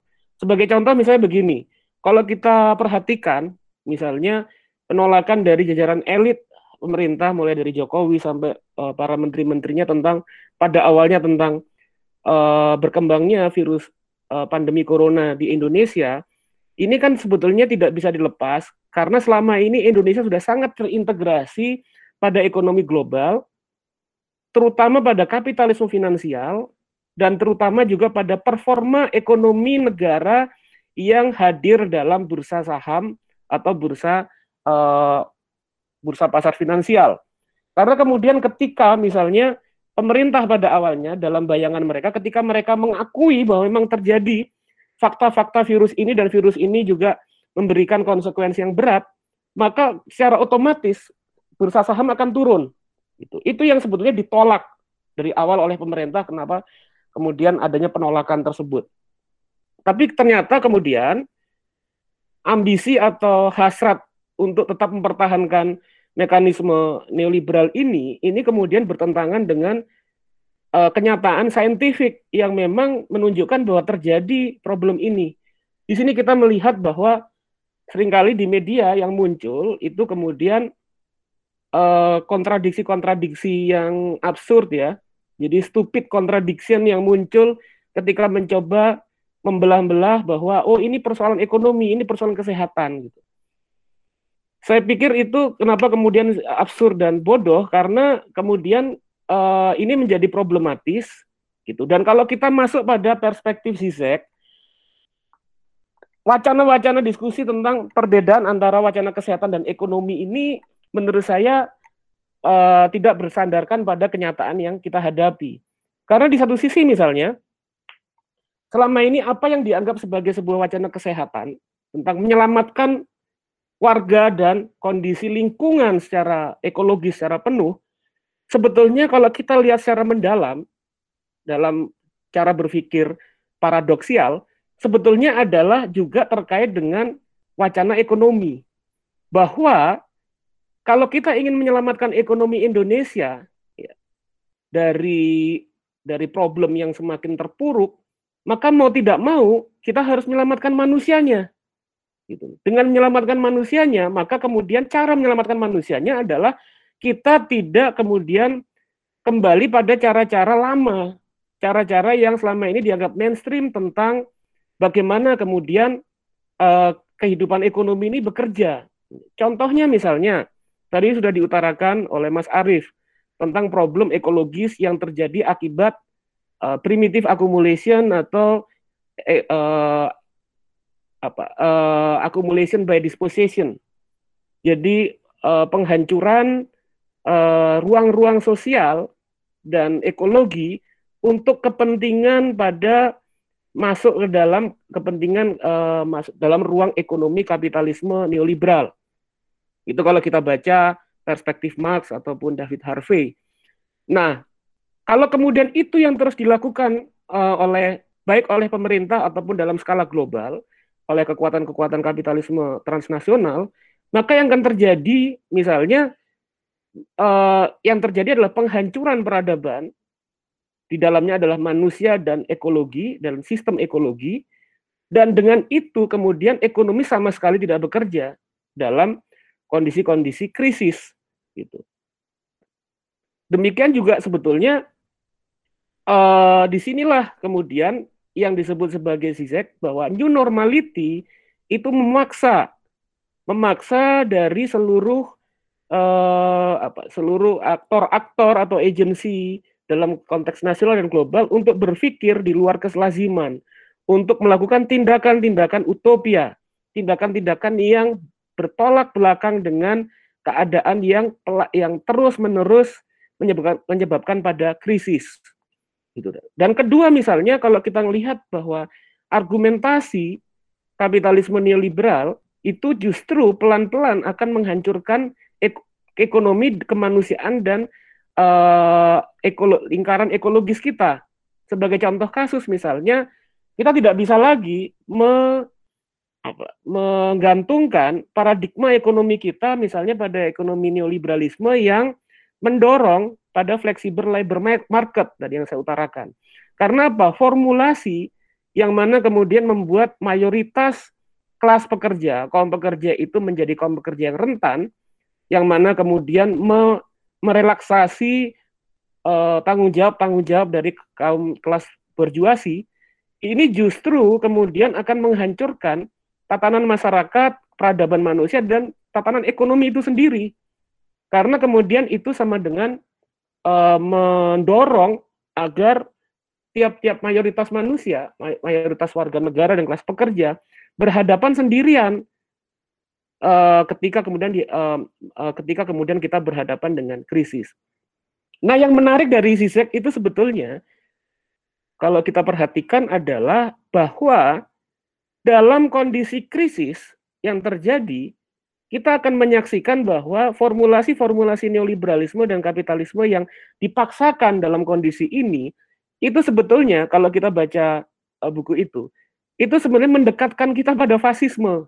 Karena apa? Karena menurut Zizek, dalam fasisme itu, bahwa yang menjadi core utama dari aktivitas mereka adalah mengorbankan orang-orang yang tidak produktif, mengorbankan kelompok-kelompok yang rentan gitu uh, terhadap problem-problem mereka dan menjadikan mereka sendirian berhadapan dengan kondisi problem-problem tersebut di mana kemudian negara bertindak itu kemudian dengan uh, rasionalisasi dan efektivitas.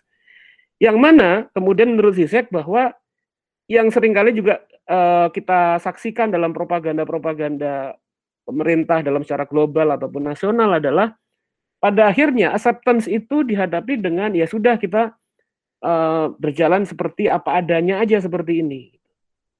Nah kalau kita lihat sebetulnya dalam perspektif ini dalam fase 5 uh, five stage of uh, grief yang terkait dengan fase tadi kita bisa melihat mas satu satu persatu itu menjadi sebuah pola umum.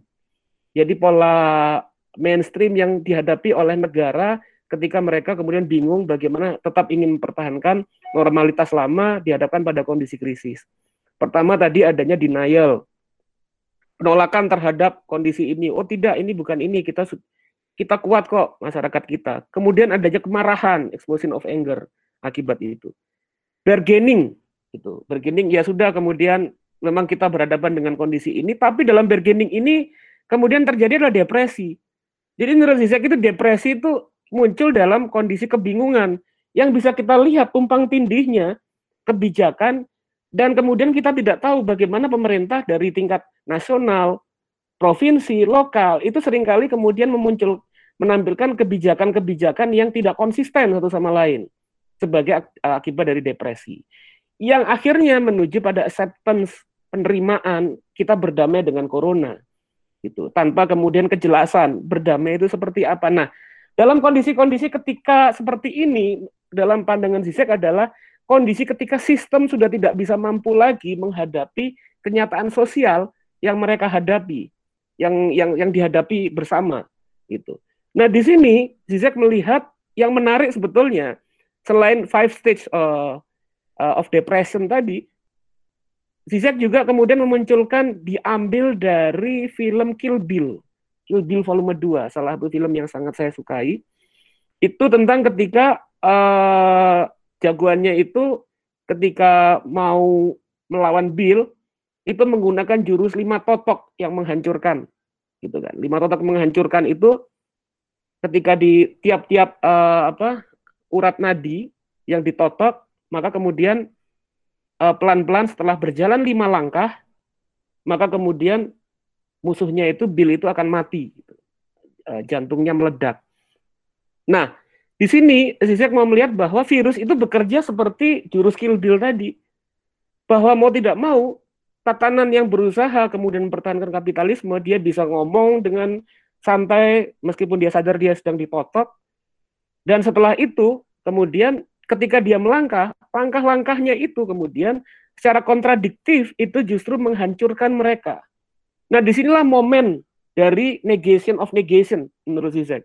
Dari sebuah negasi dari munculnya uh, utopian action di mana kemudian ketika pelan-pelan sistem ini kemudian tidak mampu menghadapi kenyataan, maka diperlukan sebuah tindakan-tindakan untuk masuk pada new normality atau tindakan-tindakan untuk menyelamatkan kemanusiaan dan uh, apa dan jajaring ekologi untuk kita tetap bisa eksis, untuk kita bisa tetap uh, merawat uh, manusia dan dunia ini.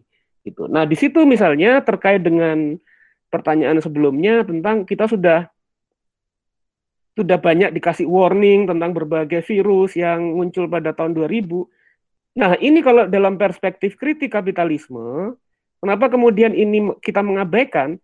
Karena krisis-krisis tersebut diabaikan karena kemudian kalau kalau kemudian kita merespon terjadinya uh, wabah-wabah tersebut, itu bertentangan dengan logika pasar. Sebagai contoh misalnya, virus Ebola di Afrika itu menjadi sebuah persoalan yang sangat uh, berat dan itu kemudian muncul sebetulnya tidak bisa dilepaskan dari primitive accumulation, dari accumulation by disposition, jadi proses akumulasi melalui penghancuran ruang-ruang sosial dan penyerapan ruang-ruang sosial dalam ruang mekanisme pasar, yang mana kemudian ketika virus ini menyebar, ya kan, kelompok eh, kalangan-kalangan uh, pemangku kepentingan yang bekerja melalui mekanisme pasar melihat tidak ada profitnya menyelesaikan Eh, problem-problem uh, virus tersebut. Yang ini juga kemudian kita kemudian bisa kita lihat misalnya pada tahun 2016 adalah ada seorang akademisi yang bergerak di bidang medis di Amerika Serikat sudah mewanti-wanti dan dia sedang melakukan riset bagaimana penanganan apabila virus flu burung ini bertransmutasi gitu. Tapi karena kepentingan bio uh, biofarmasi korporasi korporasi dan juga kemudian kepentingan pasar maka kemudian seruan untuk melakukan riset penanganan terhadap epidemik atau pandemi ini tidak dilakukan. Karena apa? Karena pada saat masih flu burung pada waktu itu yang terkena masih sedikit dan tidak profitable berdasarkan mekanisme pasar. Nah, di sini kemudian uh, secara dialektik kita bisa berpikir tentang bahwa solusi terhadap tindakan-tindakan untuk merawat kemanusiaan kita dan problem ekologi kita itu mau tidak mau membuat kita harus uh, bertindak yang bertentangan dengan kepentingan pasar. Mau tidak mau seperti itu. Bukan karena kepentingan paradigma ideologis kiri, karena kepentingan pengutamaan keadilan sosial, karena menolak eksploitasi manusia atas manusia, bukan bukan karena kondisi seperti itu, tapi karena tidak melakukan tindakan seperti itu, maka yang terjadi adalah kehancuran. Itu kalau kita baca paradigma Sisek dalam memahami persoalan tersebut. Tapi kemudian dalam konteks ketika kita ber, berpikir dalam konteks uh, antagonistik atau kemudian kontradiktif negation of negation, maka kemudian kelas-kelas berkuasa ini memiliki formulasi untuk menyelesaikan problem itu masih berhubungan dengan mekanisme kapitalisme meskipun ya meskipun kemudian yang menjadi korban adalah mereka mayoritas orang-orang yang uh, miskin gitu. Dengan apa? kalau kita lihat bahwa formulasi riset tersebut kemungkinan akan dilakukan dengan melalui logika kapitalisme. Artinya dengan vaksin yang uh, yang ditransaksikan melalui hukum permintaan dan penawaran. Nah, tinggal bagaimana di sini Zizek kemudian berhenti, pilihan yang ada itu hanya dua. Kita masuk pada barbarianisme atau kita mas masuk pada perawatan uh, humanity berbasis dalam perspektif Zizek adalah komunisme atau kalau saya lebih men, uh, lebih lebih melihatnya sebagai mempertahankan the common atau kebersamaan. Saya pikir demikian uh, komentar dari saya. Oke, terima kasih. Sangat luar biasa sekali uh, tanggapan dari Mas Angga. Ini ada juga uh, ya, apa pertanyaan ini yang di kolom komentar. Uh, saya bacakan. Uh, ini dari Reza Firda Reyana eh, bahwa saya belum sempat belajar tentang ekonomi Keynesian dan hanya sebatas tahu berada di Fire. Uh, tapi apakah model ekonomi tersebut dapat mengatasi terjadinya pandemi minimal terkendali wabahnya? Soal soalnya kata Mas Arief Novianto sudah 50 tahun, berarti mulai sekitar 1970 Eh, pembabatan hutan tak terkendali. Dan sejak saat itu juga negara-negara maju meninggalkan uh, Keynesian Keynesian terima kasih. Oh mungkin langsung bisa ditanggapi langsung Mas Arief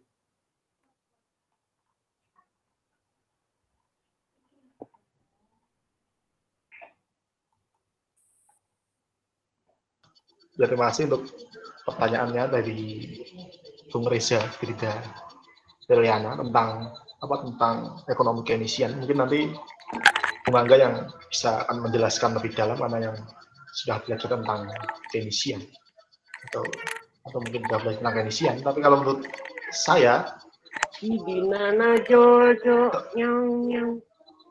kalau menurut saya tentang ekonomi Keynesian itu sendiri, ya juga seperti ekonomi yang sekarang terjadi juga tidak mampu karena inti dari kalau sebatas pemahaman saya inti dari logika ekonomi Keynesian kan menempatkan perlunya ekonomi pasar yang terkendali artinya ekonomi pasar yang tidak sepenuhnya pure pasar bebas di mana tidak di mana hukum pasar tidak ada batasnya, tidak ada pengendalinya dan lain sebagainya. Dan Keynesian kemudian muncul ketika krisis tahun depresi ekonomi tahun 1920-an dengan gagasannya. Salah satunya adalah idenya tentang perlunya apa bank sentral, ya. bagaimana bank mengontrol inflasi, mengontrol bagaimana krisis tidak terjadi dan sebagainya. Artinya peran negara yang hanya sebagai anjing penjaga, yang hanya menggonggong ketika ada pencuri, atau hanya menggonggong tidak menggigit atau kemudian mengejar pencuri itu, kemudian berupaya dibalik oleh logika Keynesian dengan mengatakan bahwa ekonomi pasar pasar bebas yang seperti itu pada kenyataannya tidak akan mampu akan cenderung berada pada krisis.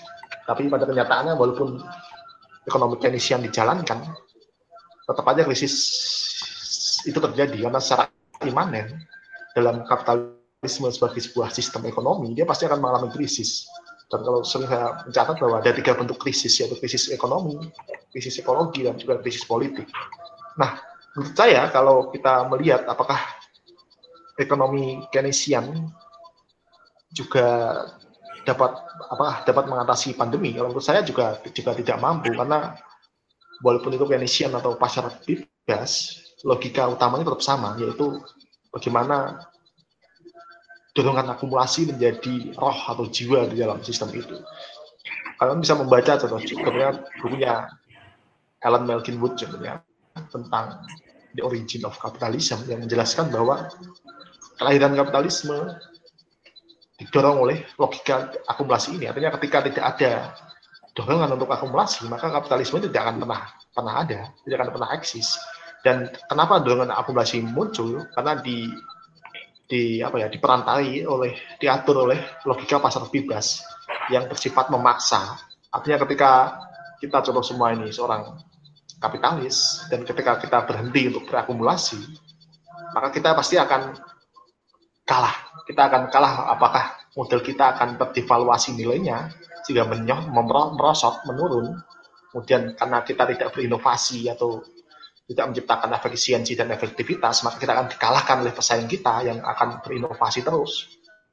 Dan kemudian mesin-mesin kita yang tidak kita perbarui atau tidak kita perbaiki, maka kemudian bisa rusak atau kemudian aus dan itu juga akan menyebabkan kekalahan atau kemudian pangsa pasar kita juga bisa direbut oleh kapitalis yang lain, pengusaha yang lain. Nah, artinya ekonomi Keynesian sama dengan logikanya sama dengan ekonomi yang sekarang liberal atau neoliberalisme yang sekarang terjadi, walaupun Keynesian menempatkan ini menempatkan penting adanya pengontrol yaitu sebetulnya bank sentral tadi untuk mengendali inflasi dan dan lain sebagainya. Artinya tidak tidak tidak berubah seperti sebelumnya. Artinya tetap yang tujuan utamanya adalah dorongan akumulasi sehingga kalau kita kembali ke punya sisik tadi, sehingga kemudian tetap akan menyebabkan virus atau patogen wabah menjadi dekat dengan kita. Karena dengan dorongan akumulasi itulah yang membuat tadi saya bilang tadi hutan-hutan dibabat secara besar-besaran dan lain sebagainya sehingga membuat habitat asli dari patogen atau virus itu menjadi dekat dengan dengan kita. Sehingga pada periode contoh seabad terakhir banyak sekali wabah yang muncul, virus yang keluar dan bermutasi terus menerus. Nah, kalau kita kemudian menyangkut tentang apa tentang pembabatan hutan yang baru masif 50 tahun terakhir ya, atau mungkin lebih tepatnya pasca perang dunia II, ya itu artinya bukan karena adanya perkembangan teknologi, teknologi atau perkembangan mesin-mesin dan lain sebagainya, bukan, tetapi karena itu tadi, artinya dorongan untuk akumulasi. Ketika ada dorongan akumulasi, orang harus para pengusaha didorong untuk bertarung untuk mengamankan potensi-potensi keuntungan di masa depan. Mereka harus mencari ruang-ruang baru.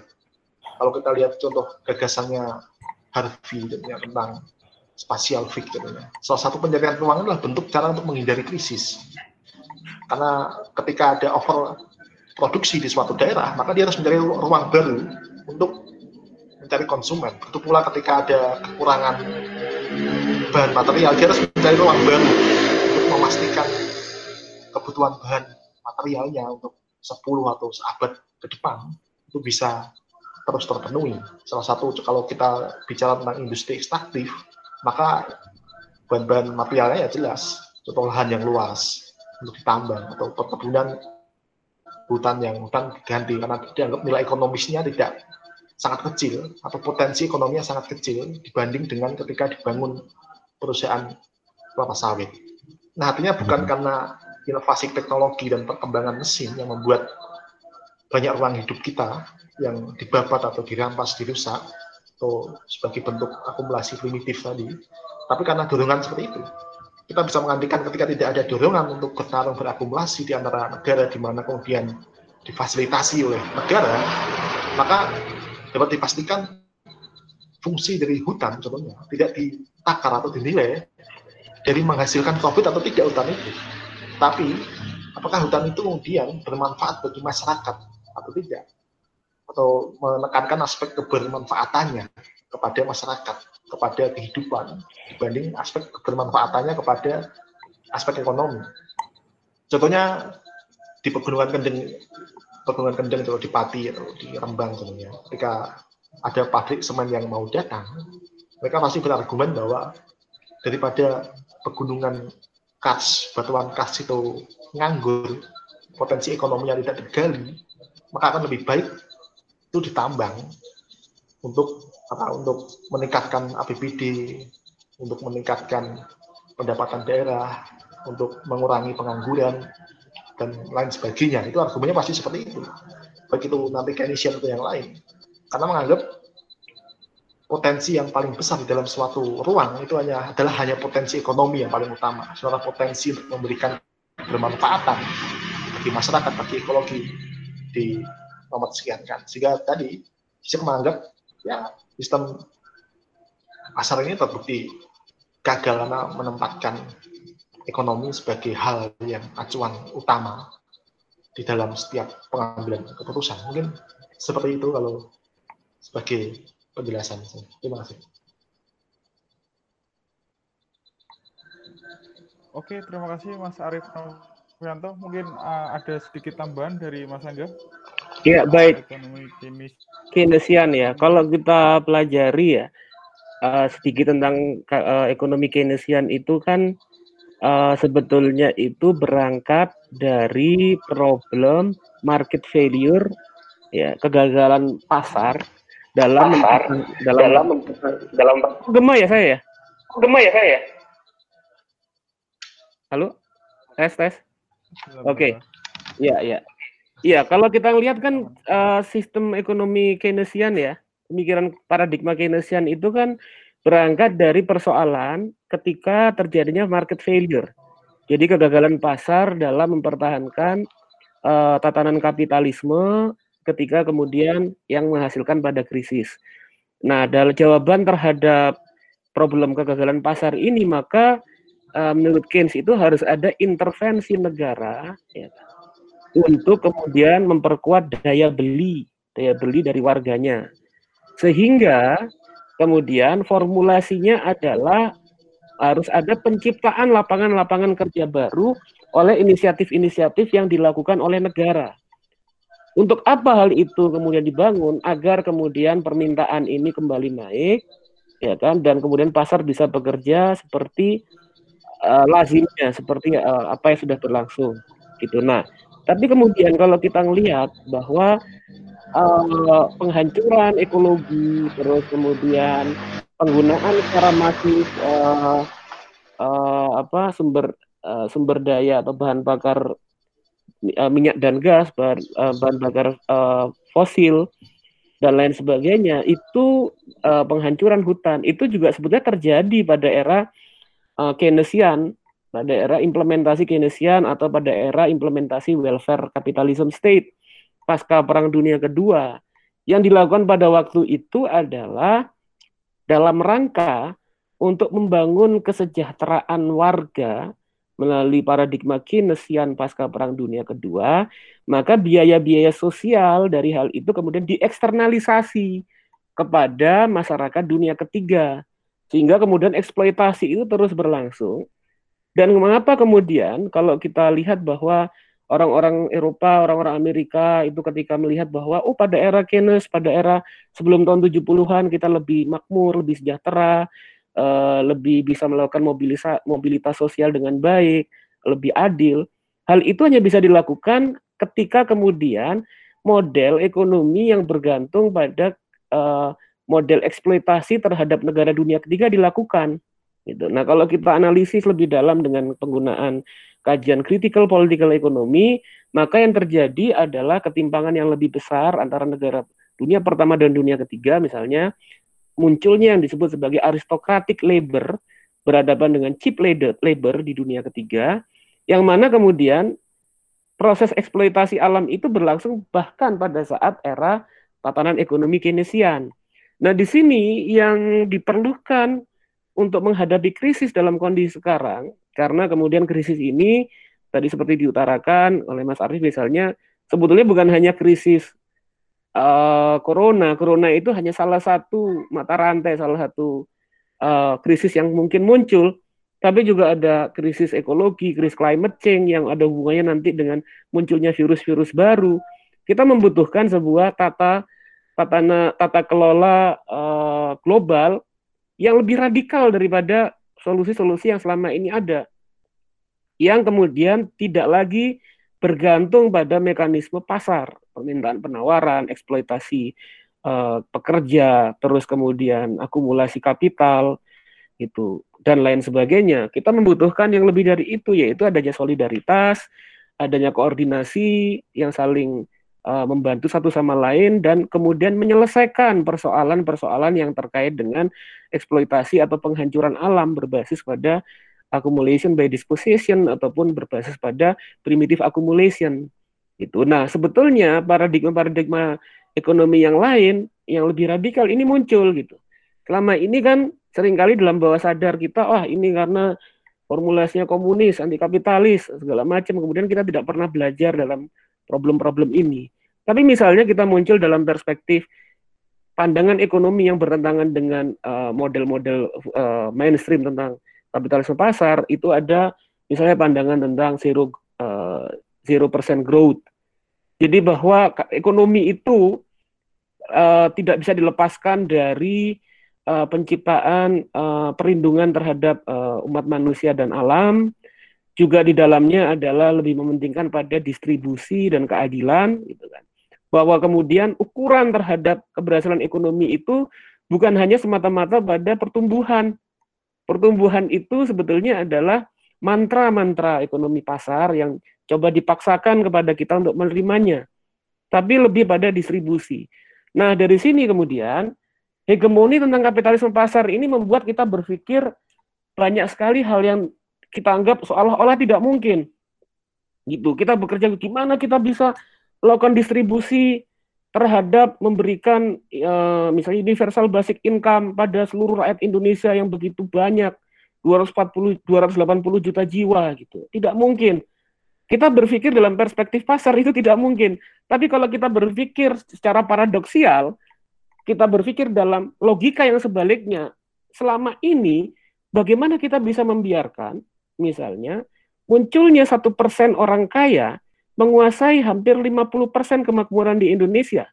Apakah itu logis? Atau kemudian kita berpikir misalnya ada 40 orang terkaya di Indonesia. 40 orang terkaya yang saya sempat hitung secara kalkulator itu 0,0000 banyak nolnya gitu. Yang mana 40 orang terkaya itu uh, kekayaan rata-ratanya itu kurang lebih sekitar 770 ribu kali dari median dari rata-rata Eh, penghasilan yang dimiliki oleh seluruh orang Indonesia. Itu kan sebuah hal yang lo, yang tidak logis.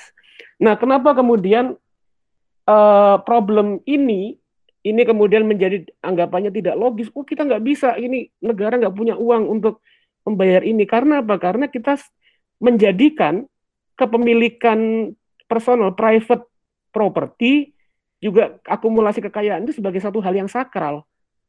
Jadi dalam bayangan ekonomi kapitalisme neoliberal yang selama ini menjadi pandangan hegemonik, kita nggak punya pikiran, nggak pernah bisa berpikir bahwa uh, kekayaan orang-orang kaya tadi, 40 orang yang kayanya 770 ribu kali dari penghasilan kita semua rata-rata, itu nggak bisa didistribusikan. Karena itu adalah hal yang sakral gitu, untuk kemudian diganggu gugat. Kita nggak bisa berpikir mendistribusikan tentang satu persen orang terkaya itu yang menguasai 50 persen dan kemudian logika itu dibalik. Kita nggak bisa memikirkan tentang bagaimana uh, melakukan redistribusi lahan yang begitu besar untuk kemakmuran orang-orang yang itu-itu aja, yang minoritas. Nah, di sinilah kemudian, kalau kita pernah dalam sebuah lecture-nya David Harvey ini, bahwa selama ini kapitalisme itu bekerja melalui model rasionalisasi terhadap sebuah sistem yang irasional yang dilakukan dengan cara yang irasional. Nah, pengertian pandangan seperti ini yang harus dibalik, yang dibongkar. Dalam uh, pandangan ke depan. Nah, hal itu hanya bisa dilakukan ketika pandangan seperti ini kemudian dianggap tidak rasional dalam kondisi normal. Tapi dalam kondisi krisis, pelan-pelan ketika setiap tindakan yang sudah terkena jurus dari Kill Bill tadi, lima totok tadi, setiap tindakan-tindakan yang dilakukan itu mengarah pada krisis yang lebih dalam, maka adanya potensi, kalau kembali ke sisek tadi, adanya utopian action, adanya uh, moment of dialektik yang kemudian menjadikan kita bersama, kalau sama-sama mikir, sadar, pilihan-pilihan rasional yang bisa dilakukan untuk agar kita tetap survive adalah meninggalkan pola-pola berpikir yang irasional yang selama ini menjadi paradigma dominan dalam mengelola ekonomi kita. Itu. Itu Mas. Uh, masukan dari saya.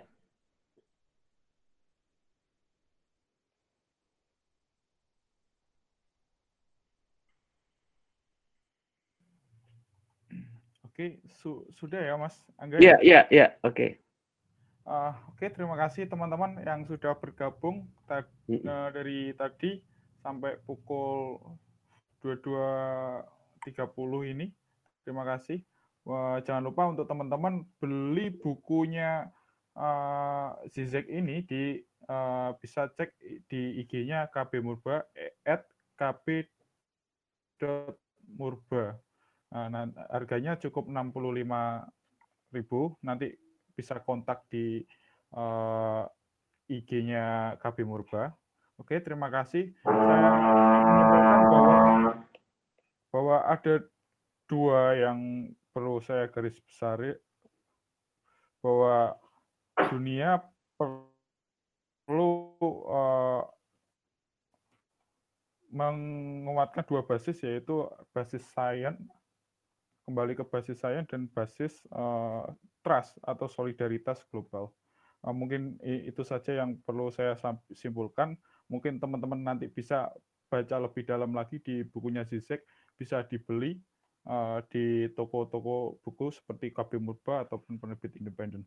Uh, terima kasih Mas Erlangga pribadi yeah. sudah mau bergabung dengan uh, diskusi kali ini. Terima kasih juga Mas Arief Novianto uh, yang sekarang uh, lagi pulang di ke desa ini. Jadi, oke, okay, terima kasih semuanya. Uh, yeah. Bisa meninggalkan uh, room diskusi online ini. Terima kasih Mas. Sama ya nanti teman-teman bisa uh, share lihat share di klub seri buku soal recording uh, uh, diskusi kali ini.